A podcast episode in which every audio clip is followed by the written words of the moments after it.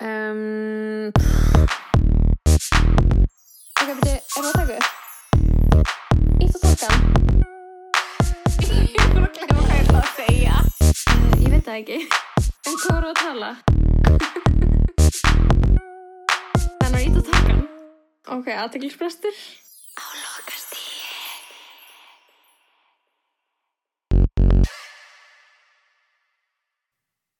Halló. Hæ. Og ég elskaði hvað þetta var stutt og laggótt. Hæ. Uh, nú hefst bókaklúburinn aðteglisbrestur á lokasti. Já. að við erum að fara að taka sumafrí þannig að settu þennan þátt í svona slow-mo hann að hægum hraða svo hann endist til lengur getur kannski látið hann endast í einhverja vikur Getur þetta ASMR vibes. við veitum ekki alveg hvað við ætlum í langt sumafrí Alltaf tvær vikur. ég alltaf tvær vikur svo er samt uh, það er svo fyndið að þarna nú er ég búin að vera eitthvað svona ekkert að vinna eitthvað það mikið þá finnst mér ekki vera eitthvað erfitt að koma að taka pot sko. Nei, nei, alls ekki. En þú ert að fara að ferðast og ég, Ég ætla að er vera til bænum næstu tvær vikur og ég er fyrir enda ekki tökku á fimmtæn.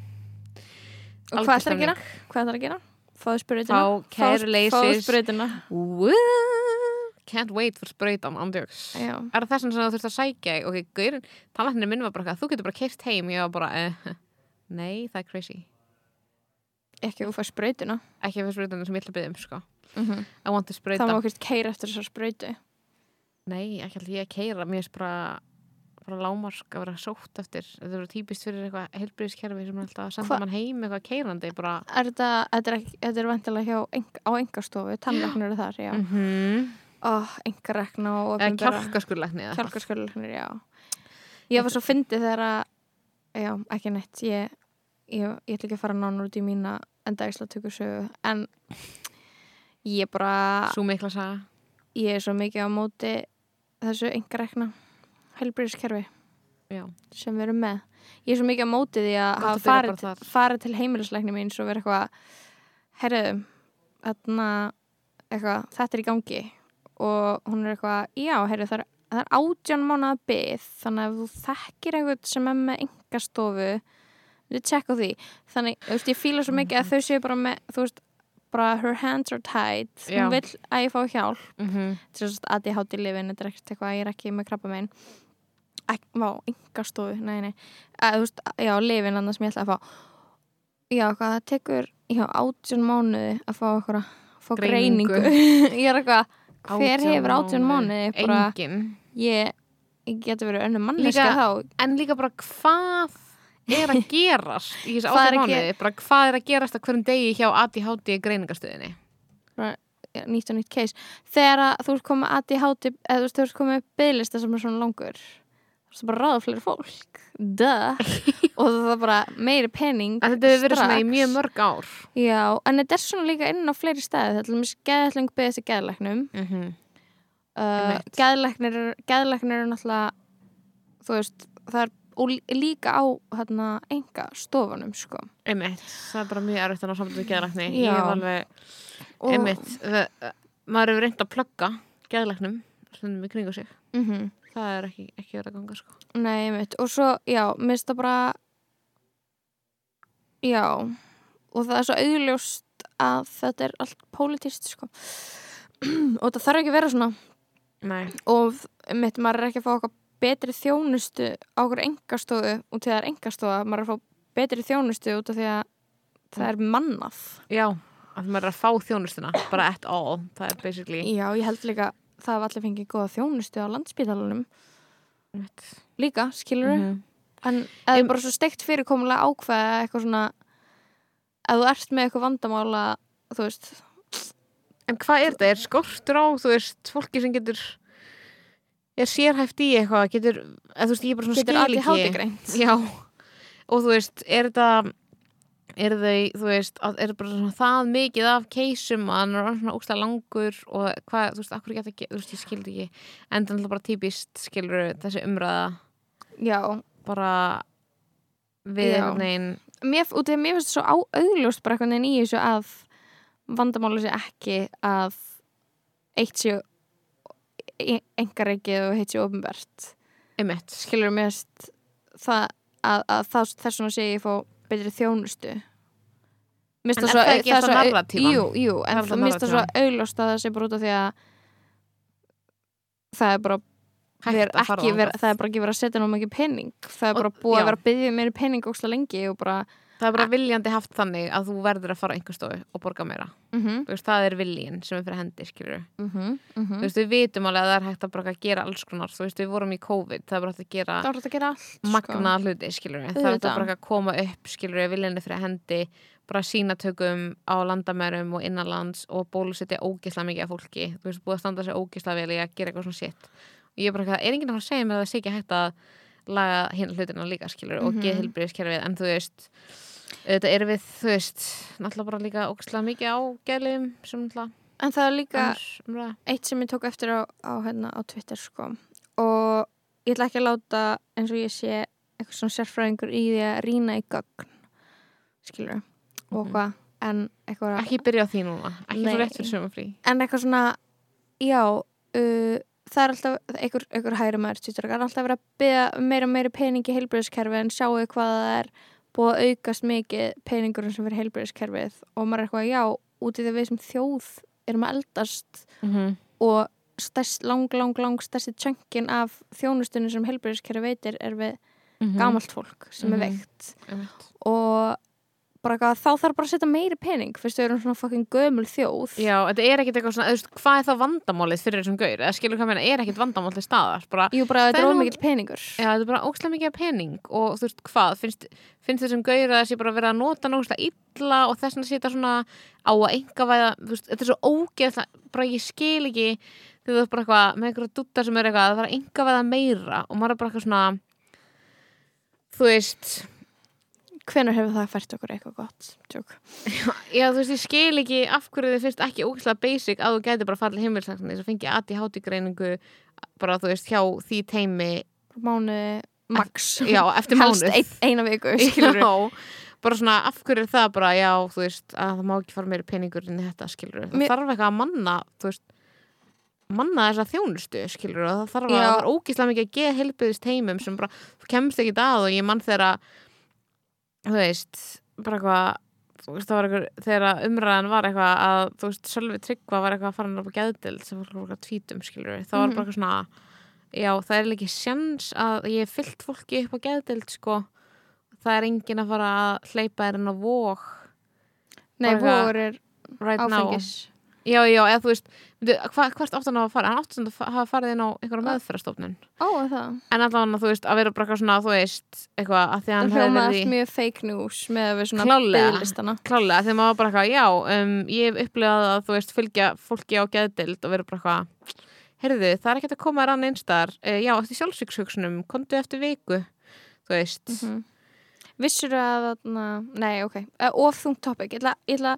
mm -hmm. Að ætla, ekki að fara þangað en vá, hvað Já. stáð að fara, ég er að heyra eftir potið uh, þarna uh, já, það er bara hægt að segja það er bara hægt að láta okkur all taka þáttið í að vera eitthvað með ofinbært helbriðiskerfi og gefa okkur síðan það ekki og láta okkur síðan borga fyrir eitthvað annað, annar staðar já, ég Mhm. bara I don't know og líka bara eitthvað, ég veist svo forvitnilegt svona að maður hugsa um bara svona tíman og bara æfi sína og bara að býða eftir eitthvað í eitt og hálft ár bara Mhm. eins og þessu við séum í Sovjetríkunum skilur við, mm -hmm. að býða eftir að fá ríkis útlitaða bílin okkar skilur við, eitthvað dæmi Mhm.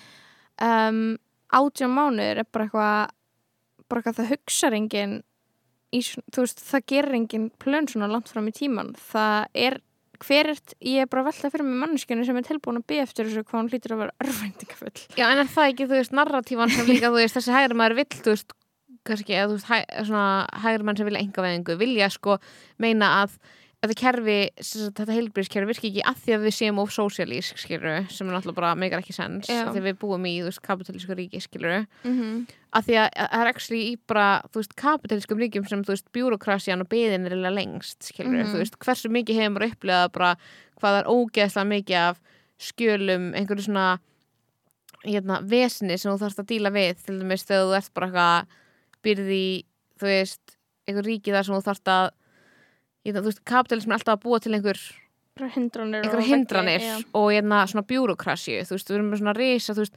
áhugast á því, þú veist, þegar Sovjetríkin voru til að alltaf tala um bara eitthvað, þú veist, bara eitthvað Sovjetríkin, þú veist, það er allt bara þú veist, alltaf bara eitthvað on a piece of paper og það er allt bara eitthvað eyðublað sem þú veist að fylla út og þess að Mhm. fyndi það bara þegar, þegar Sovjetríkin fjallu og þú veist sósialismin, veist, kommunismin tapaði, skiluru Mhm. Að þá hafi ekki bara svona, svona bjúrokrasja, tilgangsleis bjúrokrasja verið bara a thing of the past Mm, nei, hún, hún er svona þvert á móti bara til allstað skilur Mhm. og hérna það er alltaf að tala um þetta í Capitalist Realism bókinni Já, Mark le Fisher. lesa Mark Fisher verða þunglindur pæplæni Já. að um að um við erum daginn. með svona bókaklúbi þessum þætti sem að við erum að hérna, leggja til bækur, bækur sem þið getur lesið í sumafríinu sem eru hérna allar svona, hvað, svona teoríubækur svona Capitalist Realism eftir Mark Fisher er klálega eina en náttúrulega eftir höfund sem að hérna famdi sjálfsvík Já, fyrir sko, nokkrum árum hann helstu svona hann bres, hann var breskur bara breskur rithöfundur frekar ungur og svona uh, mikill svona uh, pælari um svona samtíman okkar og Mhm. uppáls altså góð pæling sem er með um Children of Men sem er svona dystopíumynd Mhm.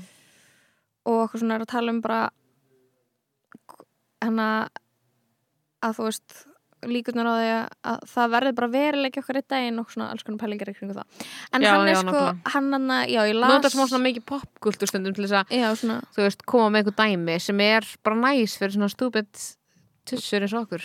já hann sko ég las, var eitthvað að lesa hana, þessa bók og bjó í London. Og það er bara svona staður til þess að eða langar að svona sökva þér í eitthvað svona kapitalíska dystopíu þá er London alveg svona smá sástaður sko. Mhm. um, búa í svona félagsýbúð sem að uh, þarna fyrir svona fyrrverandi félagsýbúð það er svona byggðar geð mikið félagsýbúðum í Brellandi sem að svo tók Margaret Thatcher við og leiði öllum að selja íbúðuna sínar Mm. og þá bara svona en þá færi félagsýbúðir Já, problem já. solved Mhm. bara kom þér aftur á almannamarkaðin anyways um, já, hans sagt var mjög þunglindur sko og maður verður alveg svona smá þunglindur á því að lesa þetta uh, og hann, já draf sig sem Mhm. er rosa leðilegt og því að hann var algjör snillingur Já, bara svona mjög svona fræðimæður að þú veist, bara svona óslega áhugaverðar kenningar um nýfjálsíkju og Mhm. kapitalisma og Mhm. kapitalist realism er náttúrulega um að svona, veist, við búum í kapitalísku raunsægi, við, þú veist, við getum oft verið að tala um að það sé eitthvað einhver, þú veist, einhver sósialism eða það er oft einhver narratífa um að all kerfi sem séu ekki að virka hjá okkur séu að þau séu of sósialísk mm -hmm. hvað þú hvað ég meina? Mm -hmm. bara svona, það er búið að dambókslega mikið af peningum í þetta kerfi, þetta er bara eitthvað ríkið, ríkið er vandamálið þau þurfum meira enga aðila, skilur Mhm. og, hérna, og hann er bara svona að tala um bara við búum all í, þú veist kapitalískri, nýfjálsíkju og, og þú veist, hún er það eina sem við þekkjum þú veist, þessu okkar kynnslóð, þú veist. Við, bara, við þekkjum bara hana. Mhm. þannig að við erum, þú veist, komin með bara svona ákveðina svona tegunda þunglindi sem að er eitthvað, virkar þannig að þú, þú veist þú getur ekki ímyndað neitt annað. Þannig að þú einhvern veginn gefst bara upp á þann og berst veist, gegn þessu kerfi Já, þegar auðveldra ímynda sér heimsendi heldur en endalega kapitalisma sem er það sem hann sagði mm -hmm. og líka að við fall Sovjetiríkina þá hefðu við skilur fjarlagt Mm uh, eitthvað svona að það var raunverulega valkostur að búa í eitthvað, svona öðruvísi kerfi Já, nokkulega og mér finnst ógæslega áhugavert þegar ég mann þegar við vorum náttúrulega að, í verkinu þínu, í Mhm. útskjöldverkinu þínu sem að var náttúrulega um kapitalisma mm -hmm. að þú veist, þú veist eitthvað síndir mér eitthvað vídeo sem hann er eitthvað að tala um að hérna listamenn, þú veist e, í rauninni erum bara alltaf að gera listamennum erfiðar og erfiðar að vinna vinnuna sína. Mm út af því þeir þurfa alltaf að vera að sinna einhverju bjúrokrasju -hmm. Þú veist, Sækjum styrki. þeir þurfa alltaf að vera að sækjum styrki. Mm -hmm. e, þeir eru sjálfstætt starfandi þannig að þeir þurfa að skila inn mjög mikið af pappirsvinnu, þeir þurfa að vera mjög on point í þú veist því eitthvað skila réttum tíma, það er mjög mikið að mismöndi skiladöfum, hvort sem það er styrkur eða Mhm. skattur eða þú veist, einhver önnur leifi sem þú þarfst að vera með eða þú veist að sækja um þetta og hitt og skilur þú þarfst að vera með þetta á hreinu þannig að Mhm. þú veist, það er rauninni verið að fara gegn því sem að þú veist, þú myndir halda að listamæður sé þú veist, Já, þú myndir einmitt halda að vera mannskja sem væri ekkert það mikið með eitthvað að pæla í tölunum þú veist, listamæður er ekki bókaldari skilur mm -hmm. og þú veist, ætti ekki að þurfa að vera það en það er svona rauninni alltaf verið að gera þér erfiðar fyrir að sinna actual af því að það fyrir svo mikil tími í bjúrokrasi það er svo mikið tímaburgusög Og- og nærði ekki að sinna hinnu og sem því- ég tengi mjög mikið við sko í já, og því grunninn skilur þá þarna viljum við ekki listamenn eða skilur og, og Mhm. þarna þú veist um, kapitaliskasta hugsun sem hún getur haft er bara að þarna að listamenn séu þú veist tilgjóðsleysir og afætur á samfélaginu út í að þeir prodúsa ekki neitt sem hefur verð, mm -hmm. virð, eitthvað virði nema náttúrulega eitthvað svona eitthvað svona ógeisleg, ógeisleg svona sjálfstæðismanna hægri manna myndlist. Uh, út af því að auðvitað er alveg hægri menn sem að kaupa fjárfesta einhver, mynd, myndlist sko. En Já, það er náttúrulega bara ógeðslega umurlegs svona umurleg hugmynd um list er listin sem að þú getur selt eftir hún hefur ávakstast skilur við já, nokkulega, ekki list list eins listarna og- vegna nei, skilur kaupa list sem eitthvað svona verbref eða eitthvað þannig. Og já, við viljum ekki listamenn sko, við viljum ekki rithöfunda heldur content creators. Og þú veist, og Já, þú ert já, ekki já, lengur eitthvað svona listamæður eða ri- efni. rithöfundur eða Mhm. myndlistamæður, þú veist, content creator. Út af því að það er hægt að verðleika content skilur um að því að sjá en ekki list og ekki sérstaklega ekki einhverja jaðalist og einhverja, nema hún getur verið kapitalæsu skilur bara svona eins og til dæmis bara eitthvað götu list skilur ok, mér fyndi, ég var að horfa ég er, með, ég er með unglinga í vinnu Mhm, sem ræði, ég er með svona unglinga vinnuhóp mhm, í sumar. Mhm. og við vorum að horfa á bara mynd, bara eitthvað á regning og við vorum bara að horfa á mynd um list. Og ég var bara að horfa á hana Exit Through the Gift Shop myndina, um Banksy, Banksy. Mhm, og hérna, en hún er á endanum um sko, þetta er ókslega skemmtileg mynd því að hún er á endanum um eitthvað gaur sem var eitthvað svona að taka upp alla helstu svona götulistamennina Mhm. og endar á að búa til sjálfur eða henni láta gera fyrir sig búa til svona ímynd um sig sem listamann með því að halda risastóra sýningu aukstra í LA og bara svona hæpa ókslega mikið og þetta fyrir skilur tíu árum eða eitthvað. Mhm, og, hérna, og selja ógislega dýrt einhver sétti umurleg verk sem hann gerði í svona Banksy og veist þessar strítast þessar stíl.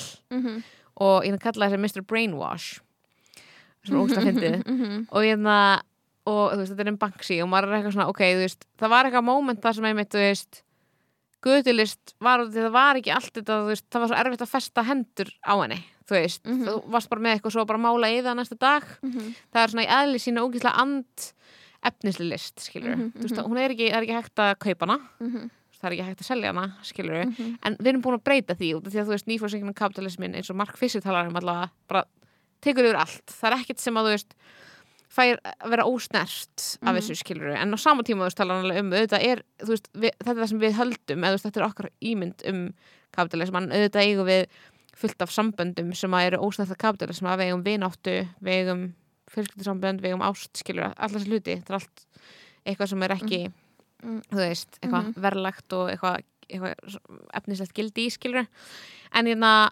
uh, og þá er svo áhvert að sjá í þessari mynd þar sem að bara basically fattaði þessi Mr. Brainwash-gauður sem var bara svona einhver löskur og bara hæfilega laus, skilur Mhm. svolítið svona sé maður í myndinni að bara svona að hann getur einhvern veginn hæpað og bara svona kapitalæsað á þessu nýja dóti að því þeir eru ekki búin að gera það. Mhm. þessi stýtastur er ekki búin að gera það Mhm. þannig að þeir bara þú veist, hann fattar bara, ok, ef ég geri það þá get ég uh, eitthvað mikið af peningum og um leið að verður þetta bara svona algjörlega gildislaust listform, Mhm. fattar hvað ég menna Já. bara um leið að þú getur keift eitthvað og sett upp heima á þér keifta ógeðslega mikið pening og sett upp eitthvað, eitthvað graff þá Mm. er graff orðið glatað, Mhm. skilur hvað ég menna Algjörlega.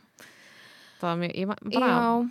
Æ, þetta er svo að- áhugavert sko líka þarna það er svo mikið af alls konar þú veist það er, það er hægt að fara meina eins og pældi ég að vera nútíma dansari eða vera dansari eða eitthvað og eitthvað þú getur eitthvað verið í ballett og fína og ríka fólki vil kaupa sér einu ballett skilur Mhm. eða þú getur verið eitthvað svona commercial dansari og dansa í tónlistamindbönd og maður gert, gert Mhm. eitthvað svona vinsala dansa og eitthvað þannig Mhm. en eitthvað svona öll svona nýsköpun það er mjög erfitt að selja hana og verleggja hana og það er Mhm. ekki að fáir tilbúinur að borga fyrir það bara borga Mhm. fyrir list uh, Mhm. svona grasróta starfsemi skilur við mm -hmm. og líka þú veist já, út af því að svo þegar þú- ef þú ert síðan í þessari grasróta starfsemi og vilt halda eitthvað svona integrity og vilt ekki sell out þá er svona er fólk alltaf að setja sig í stöðu þar sem það þú veist neytar tækifærum til þess að eða það, Já, næ, já, eða já. það næri ekki, næri ekki, þeim, næri ekki þau tækifæri út af því að einmitt, þú veist, listin þeirra fyttar ekki inn í eitthvað form sem er hægt að kaupa en eitthvað svona tónlist sem er einmitt eitthvað svona flókin og erfitt að hlusta á eða Mhm. dans sem er uh, svona mjög uh, eitthvað svona framústefnilegur eða eitthvað skilur eitthvað svona Mhm. sem þú ert ekki vun að sjá skilur Mhm. um, á, og þú veist eitthvað svona vilt ekki mitt eitthvað svona uh, láta kapitalisman taka yfir listina þína Mhm. að þú veist þetta þú, þú er fullkomlega þú ætlar að reyna okkur tekjur þá ertu fullkomlega háður eitthvað svona styrkjum og frjálsum framlögum Einmitt. sem þýðir að skiluru um, að þú ert að drukna í bjúrokrasi ég veist að drukna í bjúrokrasi og eitthvað svona einmitt getur ekki samið auðlýsingalag fyrir TM Já, já, já. eða eitthvað skilur þetta er svona já, þannig að ég, veist, ég trúi því bara að þarna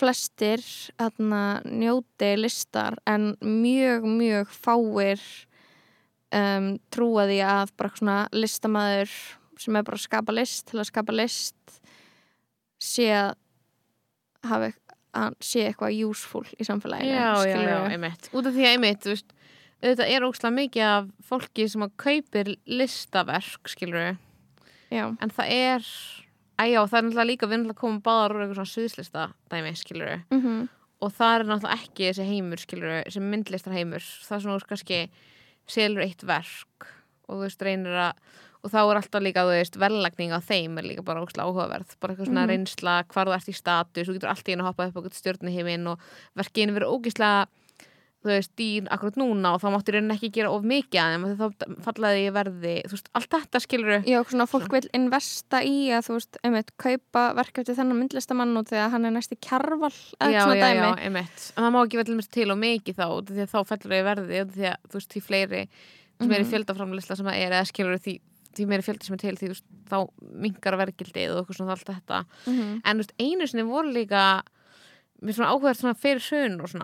sinni voru þá Mhm. voru þú veist, þóttir mér fínt að styðja við sko held ég svona svona sviðsista fólk sko þú veist, þá var bara eitthvað, ég hef bara eitthvað heyrst bara eitthvað alls konar, bara eitthvað Björg, Björgólfur Tór hafi bara eitthvað látið setja upp eitthvað að reysa sýning og stóru svinni þjóðleikúsinu bara eitthvað um sig og eitthvað sem er svona skemmtun og eitthvað og það er náttúrulega, þú veist ég náttúrulega veit ekki, þú veist, ég er mjög til að heyra eitthvað heyra einhver Heyra meira backstory heyra backstory ef einhver Mhm. veit, veit það sko Mhm. og ég er sérlega ekki dýrar en ég kæfta en hérna en ég var bara að hugsa bara því að einu sinni þú veist það var þannig að þú veist bara eitthvað kongar og drottningar voru með eitthvað, þú veist, vildi láta setja upp sýningar fyrir sig. Þú veist, þannig að þú veist bara eitthvað hirfíbli eða þú veist skilur að setja upp leikhús eða þú veist hirskáld eða eitthvað skilur Mhm.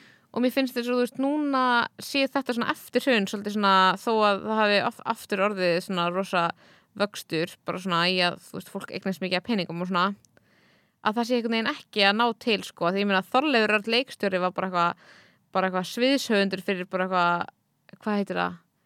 Landsfund sjálfstæðsflokkrins til dæmis.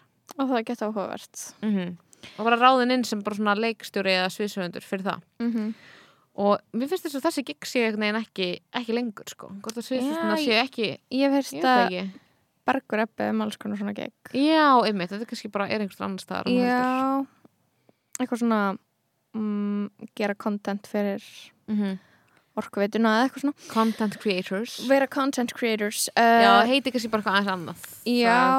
Já, en ég meina, kannski er þetta ekki en, en svo líka listamannulegin eru bara mjög, er alveg, þú veist gamalt fyrirbæri, það er ekki eins og við höfum eitthvað vinstri stjórn á senstu 20 árum hafa fundið upp einmitt.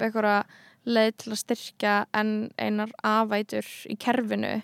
Listamannulegin eru bara eitthvað skálda, eða voru bara kallið skáldalaun og Nákvæmlega. fullt að rithöfundum fenguðu og Já, það er svo sjálfsagt Mhm. það er svo basic það er, jafn- og já, ég veit ekki, ég held, að, ég held stundum að það sé mjög svipa að vera í ak akademíu og að vera listamæður já. Fyrst eitthvað svona rannsaka eitthvað nýtt og það er ekki búið að fatta ennþá eitthvað leið til að græða á þessu þetta er bara eitthvað Mhm. rannsókn og svona- hugmyndir en leggur grunninn að einhverju sem verður kannski úslega mainstream setna, skilur, bara Já. eitthvað svona jaðarlist, skilur eða bara eitthvað fræðimennska skilur, Já, já. og bara fræðimennska til þess að vita meir um eitthvað skilur Mhm. og, þar, og bara eitthvað það er gildið en það er bara svona við erum bara við höfum ekkert gildi sem, engin gildi sem samfélag finnst mér stundum eða þú veist, veistu hvað ég á við? Já, það er bara já. svona eitthvað út af því að við erum svo upptekin að því að þarna reyna að sjá hvar peningan, hvaðan peningarnir koma sko. Já, já, I nákvæmlega don't know. Um, Þetta er samt ekki, þetta er samt ekki bókin sem við ætluðum að mæla með í bókaklubnu við ætluðum bara, að, bara gera það óvart. Þú ætlar að tala um þarna mjög relevant bók fyrir já, sannlega þarna, sko, ég nefndi held ég að ég hef byrjað að lesa þessa bók í potinu fyrir eitthvað löngu og svo náttúrulega eitthvað. Lestu á músarhraða. Nei, lúsarhraða. Á lúksarraða og þetta er þessa bók sem heitir Conflict is not abuse eða hvað ég segi, átökur ekki ofbeldi. Mm Hver skrifar þessa bók? Sara Sjúlmann, hún er sko skrifa skaldsögur en líka einhver svona fræðibökur sko, þetta er svona non-fiction og hún er svona LGBT svona queer, þú veist, writer og Mhm. þú veist, feministi og bara svona og sakfræðingur og hvað og þú veist, eða hefur skrifað svona sög, þú veist, verið svona stundum að svona reyna að rannsaka einhverja sögu sem hefur þú veist, týnst eða þú veist, eitthvað svona og er að pæla í einhverjum hlutum í samingi Er hún bandaríkjamaður eða hún er er hún bandaríkjamaður. Áhugavert? wait Mm Já, vá, hún er bara mjög hérna já, hún er í bandaríkjunum. Þú veist, hún er New York eitthvað svona, New York based. Já, þú veist, eitthvað svona professor í, þú veist, New York College of Staten Island, eitthvað tuttu Mhm.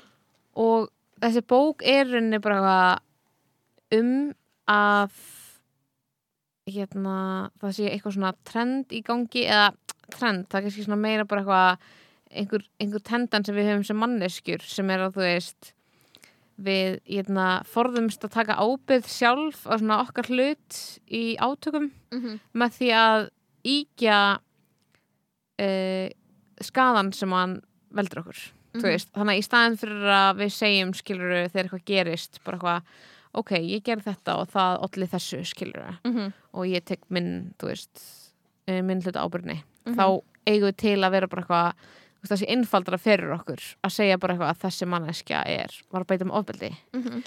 og mér finnst þetta mjög áhugavert sko, og því það er svona alls konar umræður í gangi í samfélaginu sem mér finnst bara tala ógstlega mikið inn í þetta Mhm. og mér finnst þetta bara svona vera að gefa mér geða eitthvað insýn inn í bara eitthvað hvernig við virkum skilur sem manneskjur Já, bara eitthvað af hverju veist það til dæmis svo að tala um eitthvað ég þarf nú bara, þú veist, er þetta ekki bara svona mátt ég er lesa að grípa, grípa niður í bókina. er það ekki algjör stemning? Hún er ennsku sko en að, að það ættu allir að höndla það. Er alltaf að höndla það eða? Mm -hmm. þú veist, í rauninni er hún bara eitthvað þú veist, hún er að tala um svona alls konar dæmi og hún byrjar í bara svona ungslega litlum dæmum og tekur upp svona stór dæmi. Svo, þú veist, gott dæmi um þetta, um bara eitthvað þegar að lögreglan þú veist, lögreglan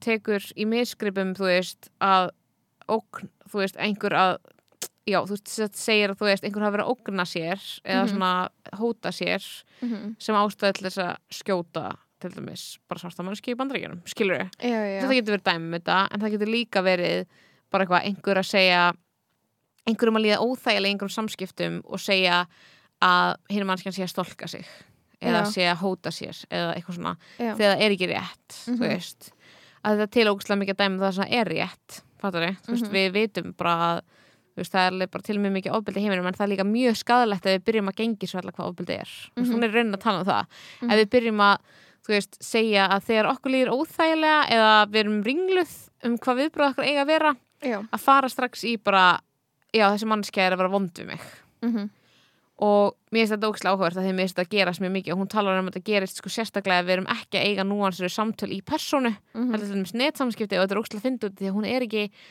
hún er ekki að tala um Twitter sko.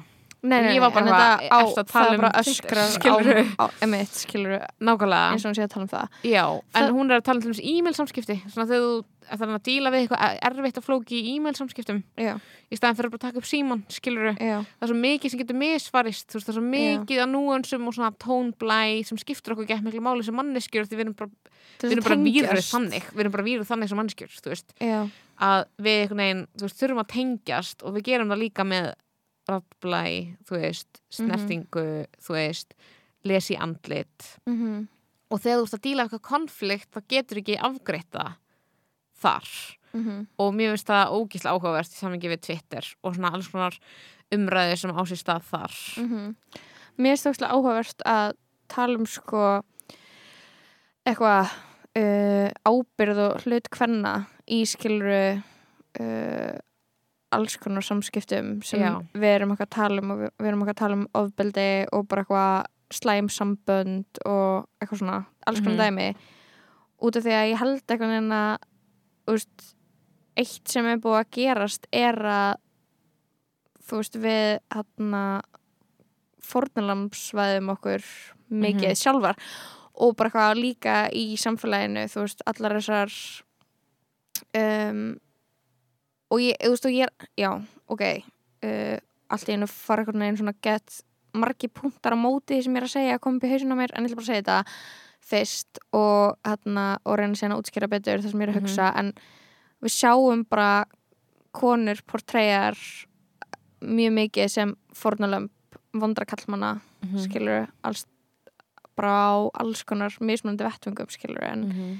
bara gett gott dæmi bara svona eins og vik, framan á vikunni eða mannlífsgreinar skilur það sem er bara eitthvað hún var eitthvað beitt áðbeldi, du du du eitthvað svona og Mhm. það er greinin skilur og við erum svo, þú veist við erum svo mikið eitthvað að uh, velta okkur upp úr þessu en, en það er samt svona afgett það er svona gett nöðsynlegt líka skilur og ég Mhm. veit það alveg við erum bara að, að reyna að uppræta kynferðisofbeldi og Mhm. hérna og heimilisofbeldi í samfélaginu Einmitt, og En- þú veist, kemur sárið fyrst upp til þess að geta einhvern veginn gróið eða þú veist, eitthvað, Já. þú veist, og, og ég er eitthvað svona en, en það líka gett slæmt ef að ef að leið hvenna og ég er bara eitthvað alveg eins mikið að tala út frá mér eins og Mhm. bara eitthvað þú veist, öðru fólki er bara eitthvað að þarna að upplifa allt slæmt sem sé í gangi sé einhverjum öðrum að kenna og maður sé alltaf valdalaus Fórnarlömb aðstæðna fórnalamb aðstæðna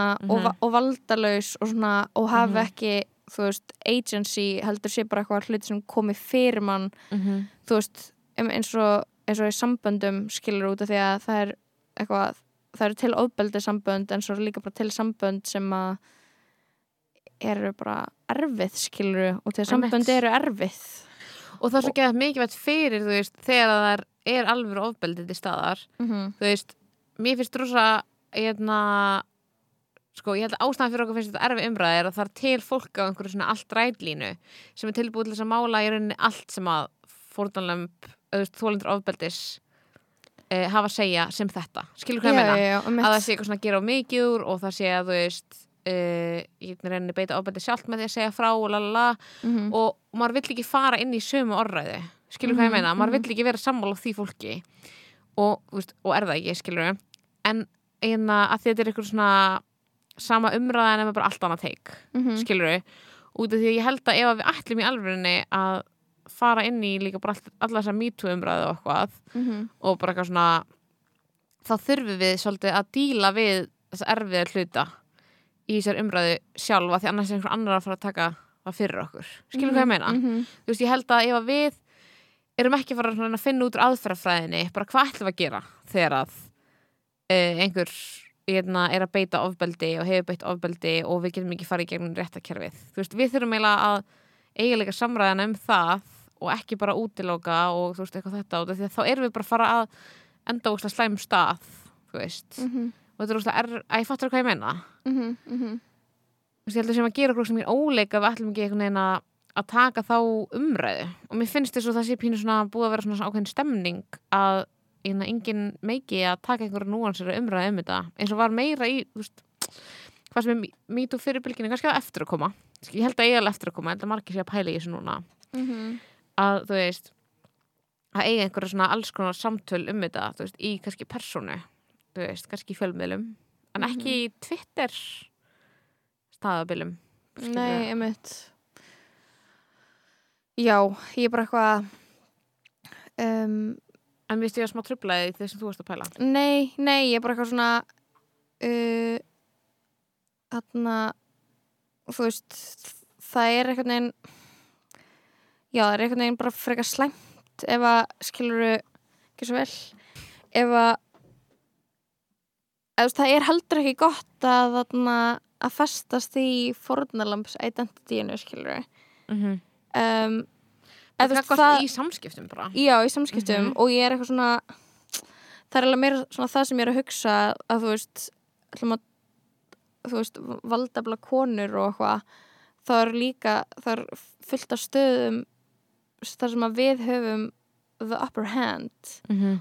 og, og konur svona uh, viðhalda mjög mikið af erfiðum samskiptum Mhm. skilur og, og kunna það mjög vel eða skilur mm um, já, ég veit það ekki. Að ég fattar hvað ég er að tala um. Já, en ég, get, ég er eitthvað neginn svona I lost my train of thought. En þú veist mér fannst einhvern veginn líka bara svona já, í rauninni er þú veist í sér bók þá er hann að taka ógstlega mikið að dæmum bara svona allt frá því bara svona þegar okkur er hafnað e, þú veist, í einhverjum samskiptum hún tekur eitthvað, hún tekur stundum svona persónulega dæmi sem var bara eitthvað að þú veist að tala um bara þú veist að reyna við eitthvað og þeir eru hafnað skilur og hún var bara eitthvað svona já þú veist og ég var eitthvað að reyna við einhverju konu og mér er hafnað og er eitthvað svona útskýra svona hvað tilfinninga fara í gang skilur og svona hvað mann langar stundum að gera og eitthvað. Mm -hmm. og hvernig maður vill ekki, þú veist og hún vill, þú veist, að tala um, þú veist, að sé úkslega hræðilegt ef að, þú veist, öll þannig svona vandrarlega samskipti sem er alltaf að gerast, skilur já, er alltaf tekin sem eitthvað svona áreitnið ofbeldi, skilur já, eitthvað svona að það sé eitthvað eitthvað slæmt að Já, gerast. að það sé eitthvað slæmt að gerast. Það er bara það sem er að gerast, það er bara ógíslega mannlegt. Já, bara svona mest mannlegt í heimi. Bara eitthvað svona að ína, þú veist, einhver, einhver ína, sækist í þig, skilur langar eitthvað, eiga einhver samskipti við þig og þið langar ekki að gera það, það þýðir ekki að sé eitthvað slæmt í gangi þú veist, það þýðir ekki að, að því að mannskjarn er eitthvað, ó, en mér langar að gera þetta. Og þú veist eitthvað, nei.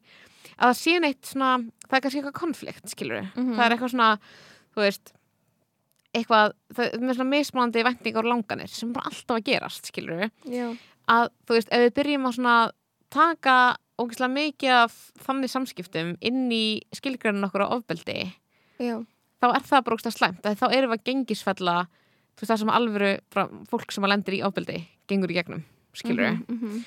og að einhvern veginn, þú veist, það er líka bara við sem alltaf að svona beita þöggun og, og hérna útilókun og hún er að tala um í bara svona oft smærra samingi bara svona að þú veist að hérna, þú veist, hvað við erum bara eitthvað gett víslega bara eitthvað að gósta fólk og eitthvað svona, þú veist, sem að bara eitthvað, ég held að allir þingi við skilur að bara eitthvað hægt að tala við einhvern.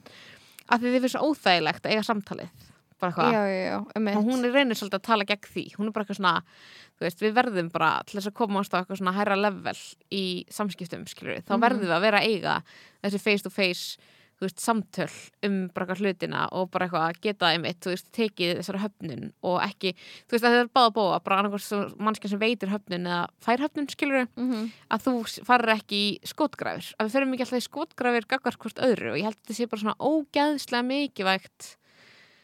ferum ekki alltaf í skotgrafir gaggar hvort öðru og ég held að þetta sé svo mikilvægt bara í allir svona einhver erfir umræði sem við eigum og erum ógeðslega mikið á hópum sem eru jaðasettir og eitthvað og hún er svona mjög oft að tala út frá því líka hún er, Mhm. þú veist mm, þú veist, hvír manneskja, skilur Mhm. í bandaríkjunum og hún er bara eitthvað ógeðslega oft að tala út frá líka bara eitthvað hennar upplifin af homofóbíu og bara, þú veist þegar að, hérna, við þú veist, tekur oft dæmi um það til þess að kannski, mér finnst alveg stundum eins og sé pína að tala til fólk sem hún veit að er að lesa þessa bók sem er kannski svona meira að fyrir að vera eða þú veist, ég veit það ekki, ég lesa kannski bara þannig að því ég er einhver vinstu sinni mannskja, skilur kona fattar já, en að þú veist að taka bara eitthvað dæmi til að maður fatti uh, af hverju þetta er úrslega slæmt. Bara eins og bara svona homofóbisk fjölskylda sem að hérna hópast í kringum eitthvað rétt uh, homofóbiska pappans til þess að hafa þær skoðanir í staðan fyrir að standa með mannskjunni sem er þú veist, jáðarsett og svona taka því sem eitthvað abjús að mannskjunn sé að þú veist, lifa sinn sannleik, skilur Mhm. sem er óslátt að gerast, þú veist, það er verið til ofbeldi út af því að fólk er að hérna, miskil eitthvað konflikt of ideas, skilur Mhm. sem abuse skilur, Mhm, sem bara mhm. er ekki þannig þú veist, þú ert ekki að beita ofbeldi með því að eitthvað svona vera þú sjálfur og bara eitthvað einhver samskipti þú veist, þú ert ekki að beita einhvern veginn aðra ofbeldi Mhm. og ég held að við séum, þú veist, alveg að segum að gera það sem erum einhvern veginn hinum einn þú veist, Mm. sem erum þú veist, að fara í skotgrafir gagvart fólki sem er ósamál okkur og þá séum við bara, ok, þú ert að hérna, þú veist, ganga á bara eitthvað þú veist, minn tilveru rétt og líka bara eitthvað svona þegar við erum í konflikti við annað fólk að hún segir skilur að, þa að það okkur langi til þess að hunsa fólk eða vera vondi fólk eða hérna, þú veist, býta tilbaka Mhm. því er ekki endilega höfum rétt að því Mhm. skilur Mhm. sem bara þú veist, maður tengir úrslega mikið við þegar maður verður reyður við einhver aðra mannesku eða þú veist, finnst hún hafa sagt eitthvað á okkar hlut eða gert eitthvað Mhm. þú veist, það þýðir ekki endilega að við höfum rétt á að hefna, hefna okkar, skilur veist, það er ekki eitthvað réttur sem við höfum, skilur og líka bara eitthvað, að mér finnst það ógæslega áhugavert bara, núna er þetta bara það sem ég er að lesa núna. Þú veist, ég er rétt, ég búið með svona 1.15 þeirra bók, skilur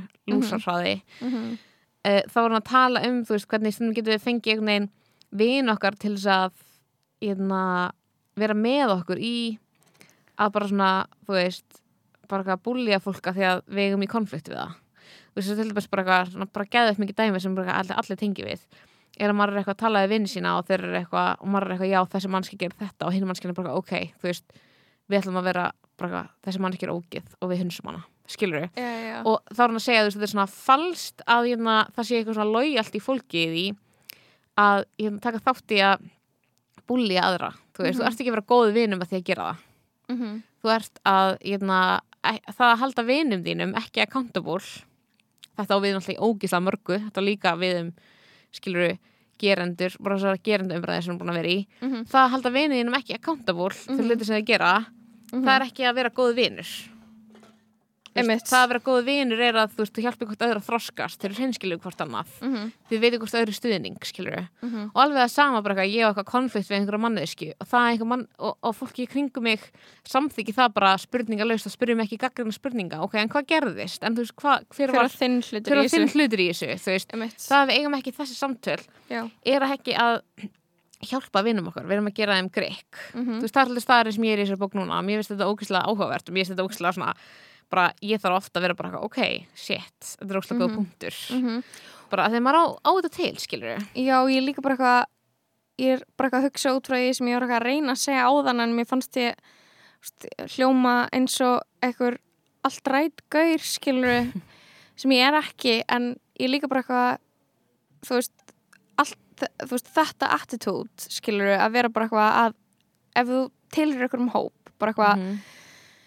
Bara kona skilur Mhm. eða eitthvað að þarna, það að einhver challenge þig skilur Mhm. eða þú veist sé ósamálaðir eða þú veist gera eitthvað sem rubs you the wrong way Mhm. þú veist það, þú veist, það er ekki allt það snýst ekki allt um identity þitt og það að þú sért eitthvað annað identity heldur en hvítur gagkinnur karlmaður gerir þig ekki át og að þú veist, fornalampinu í erfiðu samskiptunum skilur við, Mhm. út af því að þegar við, þú veist ef það er afstæðan okkar, þá erum við líka búin að taka af okkur, þú veist, völdin til þess að stí, eða þú veist hafa stjórn yfir okkar einn lífi og taka ábyrð einmitt, já Út það er svona ákveð ábyrð leysin fælti því að vera bara, Já. ég er alltaf ég er alltaf undir út af því að Mhm. ég til er þessum hópi út af því ég er eitthvað identity þá Mhm. bara hlýt, hlýt ég og, og líka skilur þetta dæmi með að þú veist nú hefur ókslega oft verið eitthvað svona eitthvað svona þetta gamla rifrildi á netinu um eitthvað svona frættu mig, nei, lærði þetta bara sjálfur eða eitthvað svona, það að þú Mhm. sést eitthvað svona að replya á mig eða Mhm. krefðist eitthvað svona mér og ég er þessi minnulutahópur sem að þú veist, let's be honest, í flestum tilveikum minnulutahópurinn er þá hvíta konur sem bara Mhm. við erum ekkert þú veist, hérna allar eitthvað fórnalömb, sko. Nei, nei, nei. Bara langt í Sérstaklega frá. ekki hérna, það skilur við Se- sem erum, al, þú veist, erum hér, skilur Nei, ymmit, og bara eitthvað um, og vera alltaf með, þú veist, afstöðuna að þú veist, ymmit, eitthvað uh, hérna já, basically vera brókslega viðkvæmur fyrir öllu áreiti, það er bara svona Mhm. þá er það, þú veist, þín afstæða skiluru Mhm.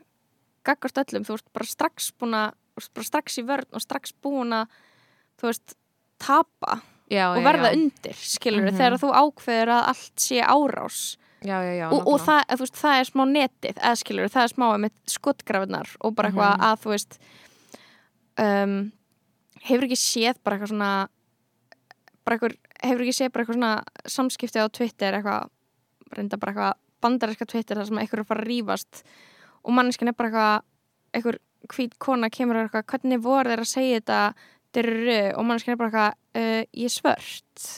Mhm. skilur um, eitthvað svona, við erum alltaf eitthvað svona að móðgast gett yfir öllu Mhm. skilur en það er kannski engin ástæða til skilur Já, en ég held að það sé einmitt út af þessari svona ónúansari umræði. Þú veist eitthvað að tala eitthvað fólk á netinu, þú veist ekkert um þetta fólk og, þú veist, og líka bara svona líka það, þú veist, að ástand fyrir þessu er ofta að við erum kannski með einhverju svona tryggari hjá okkur, bara einhverja fyrri sögu sem Mhm. að hefur verkum að við erum byrjað að taka einhverju sem að bjú sem er það ekki. Þú veist, Mhm. kannski e, bara alltaf einhver ef einhver hækkar rómin við þig þá Mhm. ferða með þig aftur á stað því að mamma einn hækkaði alltaf rómin við þig Mhm.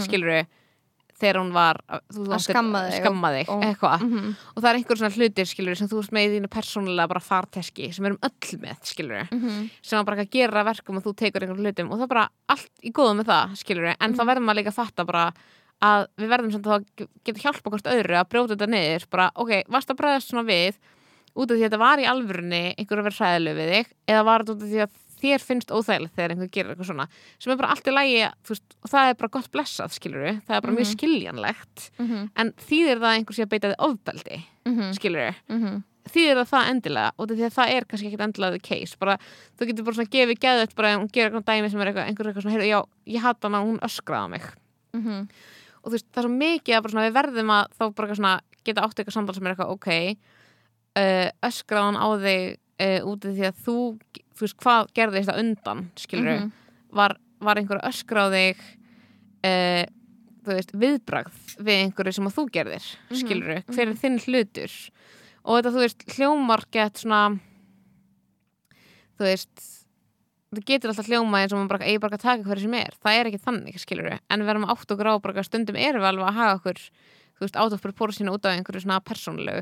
Og það sem er líka ógislega mikilvægt skilur í þessari bók er bara að hún fer í gegnum bara, þú veist hvað er, þú veist, innan skilgreiningun á ofbeldi, þú veist, það er teimi í New York sem að, þú veist, vinnur með, þú veist, hérna, fólki sem að verður frá ofbeldi nánum samböndum Já. og það sem að fyrsta sem þetta teimi gerir er að skilgreina hvað er ofbeldi og hvað er konflikt að þetta er óslega mikið fyrir þólendur ofbeldis að það sé skilgreininga munur Mhm. út af því að það er, hérna, þú getur ekki, það er ekki að fara að hjálpa þér að fara í eitthvað ferli þar sem er verið að hjálpa þér út úr ofbeldi ef að það sem var að gerast er ekki ofbeldi heldur konflikt Mhm. skilur Mhm. stundum er eitthvað konflikt í gangi og munurinn er power over, skilur sem er bara, hefur einhver, er þetta eitthvað sem er þú veist, hefur vald yfir þér, er þetta andlegt ofbeldi og því að þessi manneskja getur stjórnaðir með, komið það mikið vald á þér að hún getur stjórnaðir með skapinu?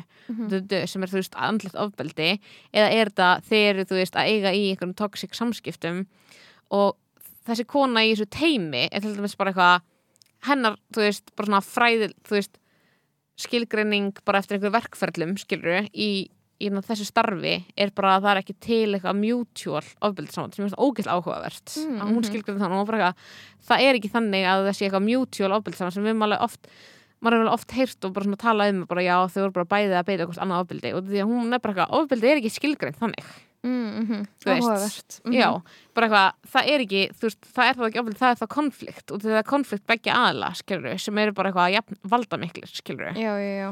af því að ofbeldi er þegar einhver er valda meira en þú og náttúrulega yfirleitt er það, þú veist, konur sem verða, þú veist hérna, fyrir ofbeldinu eða það er svo að karlar eru hérna, þú veist, það bara eitthvað meira en 90% skilur e, af gerendum í, þú veist, Mhm. ofbeldi nán samböndum skilur þó að þessi karlar og konur sem verða fyrir því en veist, að- hérna meira hlutu konur Mhm. þú veist, af því það er eitthvað svona power over, þú veist það er skilgreiningin, svo er til konu og kallarsambönd sem að það sem að valdið er á sama leveli Mhm. og það er konflikt, Mhm. skilur og þetta er bara svona skilgreint eftir einhver verkfællum, skilur bara hvaða valdi er verið að beita, skilur Mhm. hvaða, þú veist, Svo hvernig er sambandið því er náttúrulega bara eitthvað hver á peningin skilur Einmitt, og bara ef þú þú veist, ef fjárhagslegt vald já, ef þú hérna, hefur ekki einn svona efni á því að fara frá manneskinni Einmitt. sem að kúar þig og beitir þig ofbeldi, skilur Mhm.